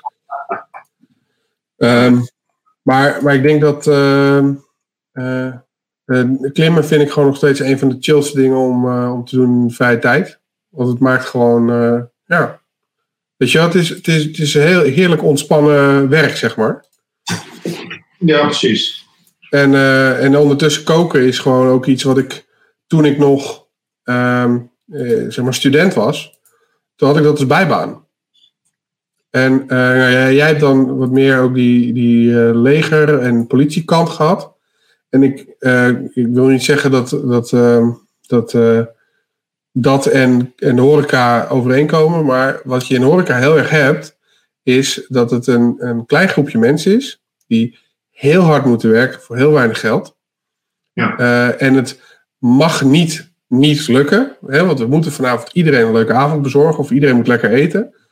Eh, en dat zorgt voor een bepaalde druk en een bepaalde soort mensen die mij immens aanstaat. Dus ik vond het heel leuk om te doen eh, toen. Oké. Dus ik heb dat ook een tijdje fulltime gedaan. Dat is wel echt superleuk om, om, om je mee bezig te houden. Ehm, en inmiddels is dat nu mijn hobby geworden gewoon. Dus dat, want ik, ik, je moet op een gegeven moment kiezen. Ik heb toen wel getwijfeld. Van, ga ik misschien wel... Kap ik overal mee? Ga ik gewoon koken? Ja. Eh, maar toen dacht ik wel, ja, het is elk weekend, elke avond. Eh, weet je wel. Als ik nou eh, computeren niet als hobby doe, maar als werk. En dan doe ik koken als hobby. Eh, Nee, beter. ja, dan kan je bijvoorbeeld die, die, die, die hydrator waar je het over hebt, die kan ik dan gewoon kopen. Ook als die niet voor, voor 30 euro bij de bol.com eh, aan te schaffen is. En dat kan, eh, als je natuurlijk in de keuken werkt, dan is dat een stuk lastiger. Om Ja. dan die ene dikke computer eh, te kopen, zeg maar. Ja, precies. Ja, ik computer overdag ook. En dan heb ik als hobby dat ik af en toe wat gewichten til of wat leuke dingen doe. Dus ja, dan Ja, sporten of. of oud-collega's die allemaal eh eh, sportscholen of crossfit gyms hebben. Vind ik hartstikke tof. ja. Die zit nu voor om het andersom te doen. En dan eh, moet ik hier, je ziet ze hier achter me voor staan ze. Ik zie ze. Ik zag ze ook op je, op je Twitter voorbij komen. Dat zijn fancy Oh, kettlebells, of niet? Wat zo, pardon? Het zijn fancy kettlebells, of niet? Nou, ik, had, ik ben een beetje mijn collectie aan het opschonen. Dus ik heb er eentje van een Amerikaans merk die wel goed aangeschreven staat, aangeschaft. Daar Ja. heb ik over. Ja. Oh. Want ze zien er ook wel chic uit, zeg maar. nou, de merendeel zit onder het roest en is wel versleten hoor. Dus die nieuwe die glimt nog een beetje. Dan, Ja, de, die nieuwe zag er dan, eh, dan chic uit. ja, geef hem een halfjaartje, dan ziet hij er toch anders uit. Maar ik weet niet, doe je nu dan het sporten allemaal gewoon vanuit huis en volg je dan een programma? Of is het gewoon je vrij, je sport gewoon voor jezelf? En, Ik word lekker voor mezelf. Ik probeer lekker fit te blijven. En ja, ik zit, eh, wat ik zeg, hè, dat is mijn bunker hier. Dus eh, die dingen staan hier. Dus ik sta hier ook af en toe te sporten. Of ik ga even een rondje wandelen of zo. ja. Dat doe ik mijn ding. Eh, maar stel dat straks de sportscholen weer open gaan, ga je dan ook al die CrossFit gyms af? Of valt het bij? Ja, ik heb al een vaste gym waar ik naartoe ga. Ik ben niet een crossfitter wat dat betreft. En ik, die zit hier niet ver vandaan. En, ook hij heeft een moeilijke tijd nu. En is een soort van gewichthefschool. Dus deel van de kettlebells zijn ook van hem. Die heb ik gewoon geleased. Dus dan, eh, dan eh, een euro per kilo. Nou, dan heeft hij mazzel, want ik heb de zwaarste meegenomen. Dus eh je moet elkaar een beetje blijven helpen natuurlijk in deze tijd. Dus ja, Ja, vet. Ja, dat is superleuk. dus iedere maand krijg ik weer een tikkie. Zo van, nou John, het is weer tijd, je mag het betalen. Ik zeg, ja, is goed, alsjeblieft. En, Nice. maar Ja. je, moet wel bezig blijven, want anders ga je, zit je op de bank en dan vreet je jezelf helemaal vol. En ik, ik ben wel heel eerlijk, ik ben in maart ben ik ziek geworden met COVID. Dat heb ik het zelf gehad. Mhm. Iedereen doet er wel lachen over, maar ik was echt al drie weken lang goed ziek. Echt, dat ik Ja? godverdrie, hè, dit is wel... eh, en dan, dan hoef je niet naar het ziekenhuis, maar je was gewoon kort ademig en dan eh, slap. En dan echt daarna was ik gewoon, conditie was weg. Alles was weg. En eh, ik was gewoon afgevallen en ik dacht ook bij mezelf van, nou, ik moet weer een beetje gaan sporten en een beetje fit worden. Want als dit mij een tweede keer raakt, dan, eh dan er ook van. Heb je toen ook lang eh, je reuk en je smaak verloren? Nou, dat, dat is grappig. Ik heb er nooit bij stilgestaan. Want dat kwam pas uit. eind maart begon, mensen begonnen erover te praten. Maar ik had het helemaal niet door. Dus ik had wel gewoon. En Je had niet zoiets van, het smaakt helemaal nergens naar. Nou, ondanks dat ik een hele grote gokken heb. Dan, eh, mijn, eh, mijn vrouw die geeft wel mij de schuld dat ik toch nooit wat ruik. Op een of andere manier. Dus, eh, dus eh, ja, ach. eh, ik, ik was er niet zo mee bezig. En, eh, maar wat wel was, ik was eh, het kostte me wel tijd om weer op mijn poten te komen. Gewoon... eh, daarna, dan, ja, dan zit je, je hebt, we hebben toch alle twee zittend werk, dus je zit veel achter de computer en dan merk je gewoon, aan het einde van de dag had je gewoon last van je longen. Dus ben ik gaan sporten, weer, ben ik weer meer gaan sporten, want dat moet je ook weer opbouwen, nou, dan weet ik weer Ja. fit. Nou, als ik eindelijk een klein beetje denk van, ah, ik voel me oké, komt die tweede lockdown. Nou, toen ik, eh, dan merkte ik wat interne irritatie, dat ik denk van, potverdrie, dit was het remedie om fit te worden en sterk te worden, en dat wordt weer afgenomen. Ja, Ja. Nou, weet je, ik kan er toch niet veel over veranderen. Nou, hoe gaan we het oppakken? Thuis. eh, Thuis. ja, ja ik heb ehm, denk ik nu twee jaar geleden ergens een keer zo'n eh, zo'n eh, spinfiets gekocht. Eh, dus zo, met zo'n verzwaard, eh, zo'n vliegwiel zeg maar. Dat, eh, dus dat doe ik dan, probeer ik dan in ieder geval één keer in de week. Eigenlijk moet eigenlijk twee keer in de week, maar ik doe het dan één keer in de week. En, ehm, en dat klimmen doe ik dan als sporter, maar ik merk wel dat gewoon door wat vaker te gaan sporten je uiteindelijk een stuk fijner voelt. Het is alleen. Het is alleen ook gewoon. ja, op een of andere manier is het toch heel makkelijk om gewoon geen ene kut te doen en Netflix af te spelen, zeg maar. Dat, dat, Ja. Het menselijk lichaam is bijna gemaakt om lui te zijn. Hè? Is zo meest efficiënt mogelijk niks doen. ja, nou, dat sowieso. Sowieso. Je jezelf af en toe een beetje kietelen, dat is wel goed. Ja, ja, jezelf ook een beetje uitdagen, dat je het gevoel hebt dat je echt wat hebt gedaan. Ja. Nou, in dat kader heb ik trouwens nog wel een grappige. Hier, check deze. We hadden dus eh, vandaag. Die, die panelen moesten omhoog, maar die panelen wegen eh, zeg maar 40 kilo plus. Is dat van een betonplex of zo? Het is eh, triplex. Oh, nou, ja, het is 12 ply berkenhouten platen. Eh, maar dit Ja. is, eh, het is eh 2,44 breed, 1,20 hoog. Ja, maar de achterkant is ook helemaal gevuld met van die stalen tieners. ja precies. Dus, maar we kregen het uiteindelijk. Heb, ik- ik heb nog steeds last van mijn schouders van, van, van vanmiddag. Want dit moest dus omhoog. Dus uiteindelijk gelukkig had Milena, die heeft dus van die van, van de klimmen heeft ze nog touwen en allemaal dat soort dingen. Dus ze konden uiteindelijk een stukje omhoog tillen en dan aantrekken met hijsen en dan hier met die lijn klemmen. Ah ja. Om het allemaal maar eh, vast eh, te klemmen. Maar dat was eh, in het kader van uitdaging onder een gekke hoek een hele grote plaat vasthouden terwijl iemand anders dat probeert vast te schroeven. Was een, was een, goede, een goede oefening, eh, zeg maar. En volgens mij, menig, eh menig bouwvakker die, eh, die hoort je hierin. eh. ja, dat geloof ik wel. Hier en aan de achterkant zat het dan zo vast. Dus gewoon echt met touw en dan... Oh, kijk joh, dan we net acht knoopje ook gemaakt. Nou ja, Milene die heeft al die klimbrevetten en zo. Hè? Die, die, die doet dat allemaal. Lead klimmen en eh, heeft ze ook al de spelletjes voor. Multipitch heeft ze ook er. Netjes. Leuk. ja, ja, die doet dat heel veel, joh. Ik vind dat leuk. Die, eh, ik, vind, ik, ik vind het doodeng. Want dat gaat bolderen. Hm? Ik heb wel veel moeten doen, maar eh, de laatste jaren helemaal niet meer. Oh, ja, nou ik vind dan stuurt ze een foto en dan zit ze halverwege, of tenminste zit ze bovenaan een of andere berg, super hoog. Maar ik vind als een bolder, eh, in een bolderhal, als de muur zeg maar 5 meter is, en je moet bovenin een move doen, die misschien... Is. Ja, ja ik, had, ik had er nu eentje, je hebt een nieuwe in de energiehaven, en dan heb je... eh, je hebt uiteindelijk iets, iets vast, eentje boven je macht, eentje onder je macht. Je klemt jezelf als het ware in. En wat je moet doen, is je voeten hoog, eh, met twee handen naar die eh, boven je gaan. Ja. En dan in één keer iets wat, wat dus tegengesteld is. Je moet eigenlijk met je lichaam in die andere gaan draaien.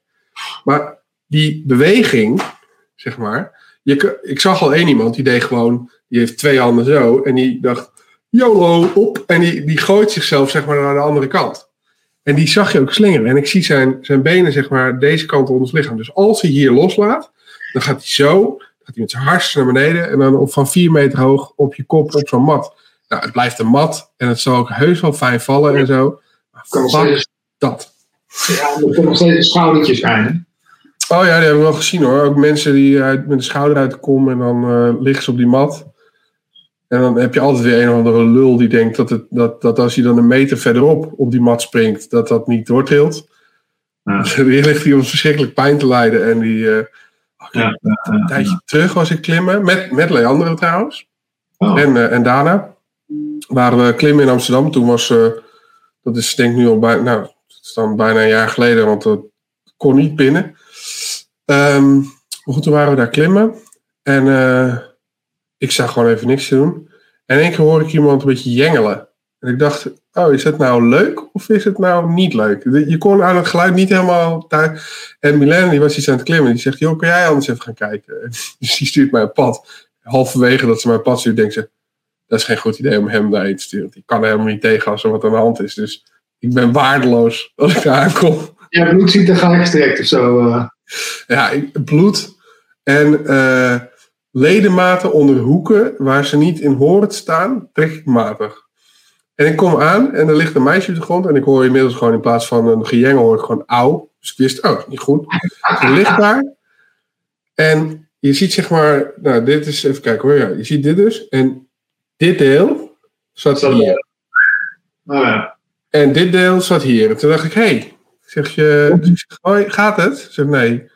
Zeg, wat, uh, doet er iets anders zeer behalve je arm? Nee, alleen mijn arm. Ik zeg, cool, ik ga even iemand bij halen. Dus Leo die is uiteindelijk naar de, weet ik, ik ben bij haar gebleven, Leo naar de, naar de front desk. En, uh, maar die, die had dus de elleboog, ja, uit de kom. Ik mhm. weet niet in hoeverre dat echt uit de kom is, of dat het gewoon compleet uh, verbrijzeld uh, is. Ja. Maar dat was, uh, toen, dacht, toen, toen werd ik ook echt niet, instant niet lekker. Dus ik was ook heel blij dat Leo en Milene eraan kwamen. En dan kon ik zeggen van, hey, uh, you got this. Ja, kijk, klimmen is hartstikke leuk, maar uh, je hebt geen reserveparachute, hè? Om zo te zeggen. Bij parachutespringen heb je nog een reserve. Maar bij klimmen, als je fout maakt, dan, dan kan het gewoon einde zijn. Ja, ja zeker. En ja, de, de, de, klimhallen die zijn heel toegankelijk natuurlijk voor heel veel mensen. En ik ben helemaal geen klimexpert meer hoor, qua, qua dingen. Maar dan zie je wel dat het heel makkelijk is om uh, eraan blootgesteld te worden. En zeker als je dan naar de natuur gaat en je weet niet wat je doet.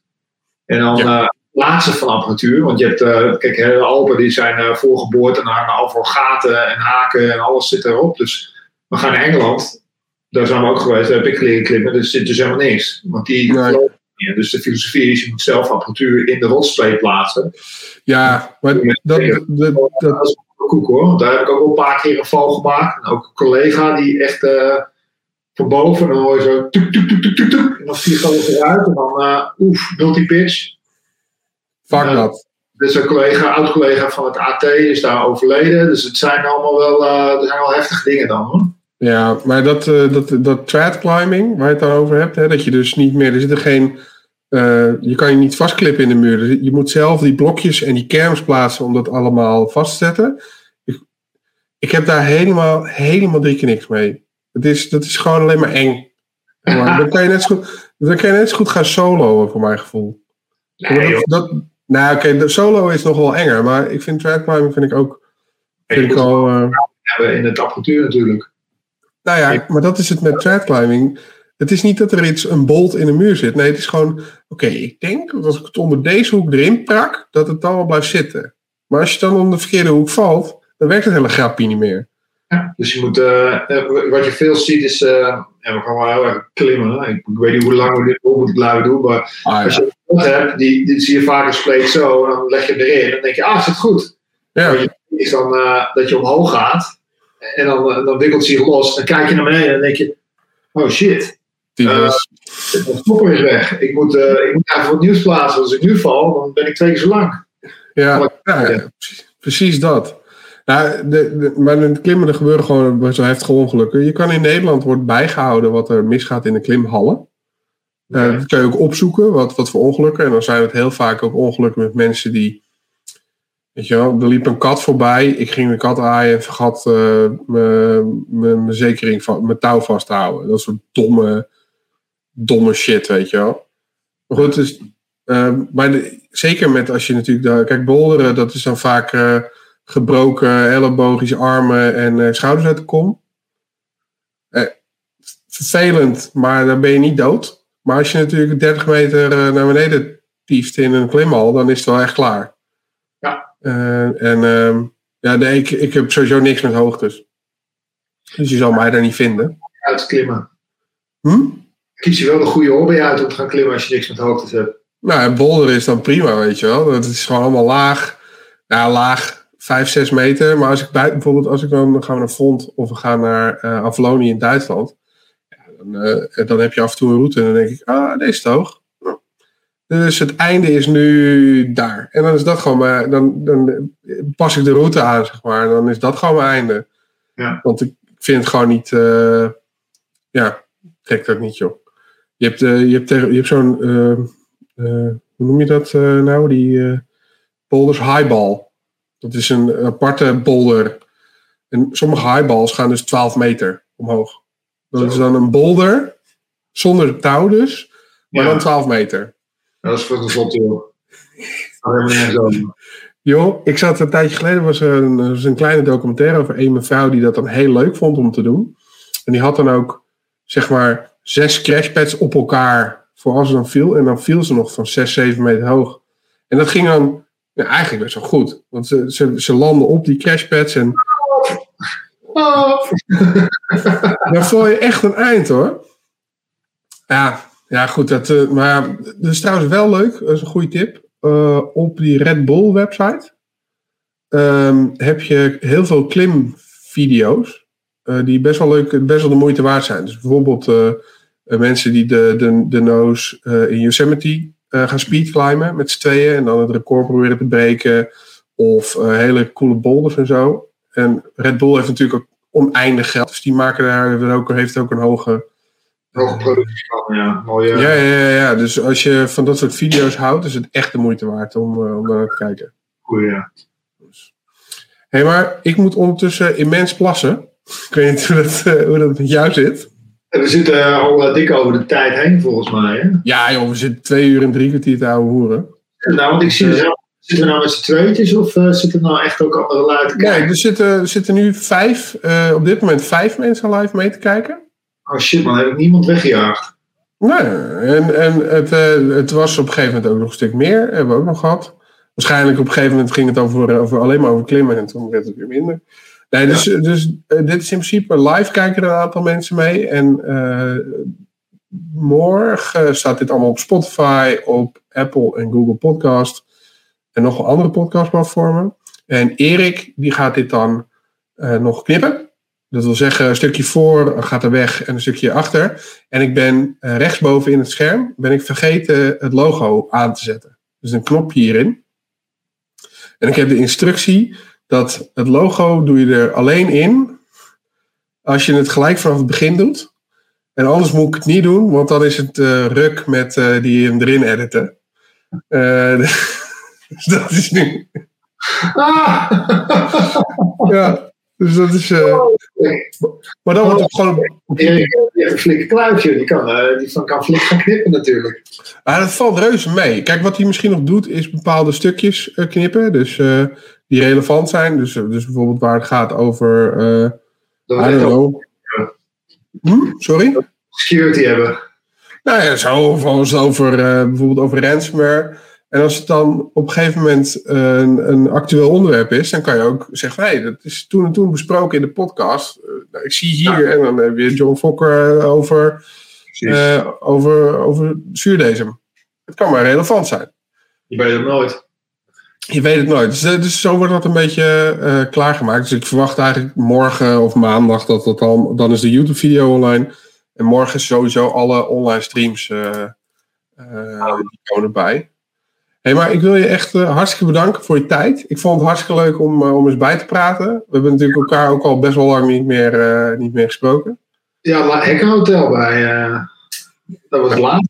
Dat is toch best wel fucking lang geleden. Want dat was volgens mij februari 2020. En eh, volgens mij ben ik alleen daarna nog naar de RSA gegaan in Amerika. En toen was het over. Ja, toen was de wereld op slot. Ja, ja ik was in, eh, in Amerika. Toen was de noodtoestand in eh, San Francisco uitgekondigd. Dan denk ik, oh shit, ik moet nu wel naar huis. Ja, kan je nog naar huis, is dan ook de vraag. Ja, nou, dat ging gelukkig wel. En dan eh, denk ik, nou, oké, ja, dan zitten we nu in deze wereld. Dat is wel frappant. Ja, We komen er vanzelf alweer, kan er iets van respijt komen. En hoe lang het duurt, daar zijn de meningen over verschillend. Ja ik heb geen idee. Ik hoop, eh, ik hoop heel snel. Eh, in, en mocht er iemand in bezit zijn van eh, een, een van de vaccinaties, ik bied me vrijwillig aan, jongens. Ja, dat heb ik ook. Maar ik ben wel een beetje van, hoop is niet echt een strategie in mijn, mijn optiek. Nee, Dus, we wel- in het is goed, daar moeten we op gokken. Maar wat nou als er een mutatie komt? Wat nou aan andere dingen? Dus het- ik zie het een beetje meer als een security vraagstuk. Ja, Alles op onze endpoint protection met onze signatures. Maar ja, eh, er zijn natuurlijk veel meer wegen die naar Rome leiden. En we moeten wel een soort. Ik denk dat we hier nog niet vanaf zijn, laat ik het zo stellen. Eh, we moeten hier, eh, wij kunnen allemaal ingeënt zijn, maar dan komen we, hebben we gooien we Schiphol open. Dan komt er weer iemand anders met een nieuw variant. ja, dan zijn we weer fucked. Ja, ja ik, ik, je, kunt, je kan erover blijven speculeren. Ik ben geen specialist hoor, maar ik, ben meer, ik stel altijd een beetje meer in op eh, dat we hier nog een tijdje niet vanaf zijn. En dat we hier maar mee moeten dealen en we moeten dat ook gewoon processen. En, eh, en misschien ook gewoon eh, rekening mee houden met werk en dat soort dingen. En, eh, en dan als het wel komt, nou als het meegenomen komt het niet, dan ben je in ieder geval niet zo verrast, om het zo te zeggen. Ja, nou ja, kijk, eh, ik had er ook over met Milène. Die zei ook van ja, de- weet je wel, wie zegt dat er niet over een half jaar of het jaar nog een nieuw, een ander virus ook weer komt. De- wereld is overbevolkt. Met name in, in de armere landen worden mensen en dieren, het is allemaal hutje-mutje. Dus de kans op mutaties en de succesvolle mutaties, die wordt alleen maar groter. Eh, dus wie zegt dat dit niet gewoon de nieuwe normaal is, waarbij we constant eh, ziektes eh, krijgen. Hè, dat hoeft niet elke dag te zijn natuurlijk, maar hè, dat je dat gewoon veel vaker hebt. Ja. ja. Ik weet niet, allemaal in, met zo'n ehm hazmat suit naar buiten. Met een brommerhelm op. En je, had, je hebt er echt, er zijn, maar dat gaat ook echt bedrijven die dan een soort plastic, eh, plexiglas eh, helmachtige constructie maken, die dan eh, over je schouders zit. En dat je dan gewoon, dan heb je geen mondmasker op, maar je hebt gewoon echt een soort ding en er wordt lucht ingeblazen en er wordt gekoeld. Helemaal fancy. Ja. ja. Ja. weet je wat het is? Toen, Zo, Echt het glas, hè? ja, sowieso. Ja, dat heb ik ook al met mondmaskers gehad. dat Ik probeer koffie te drinken door een mondmasker heen. Dat is ook, ook helemaal... Nou, zo'n goede heb ik ook niet. Toen ik zeg maar vroeger las in science fiction stripboeken of boeken dat het over 2021 ging, hadden we het over vliegende auto's en AI en robots die alles voor me deden. Zeg maar, deze cyberpunk-achtige toekomst is wel de shitty version die ons toen ooit voorgespiegeld is. Dus ik, mag, ik hoop toch, en dan is hoop in mijn geval toch nog ding, dat ik gewoon straks weer lekker eh, naar de kroeg kan. Ja, En, eh, dit, eh, ik, zou het heel fijn vinden. Of, of een hackerhotel of zo. ja, ja, het is niet zoals Blade Runner of zo. Zo is het niet. Het lijkt er voor geen moer op.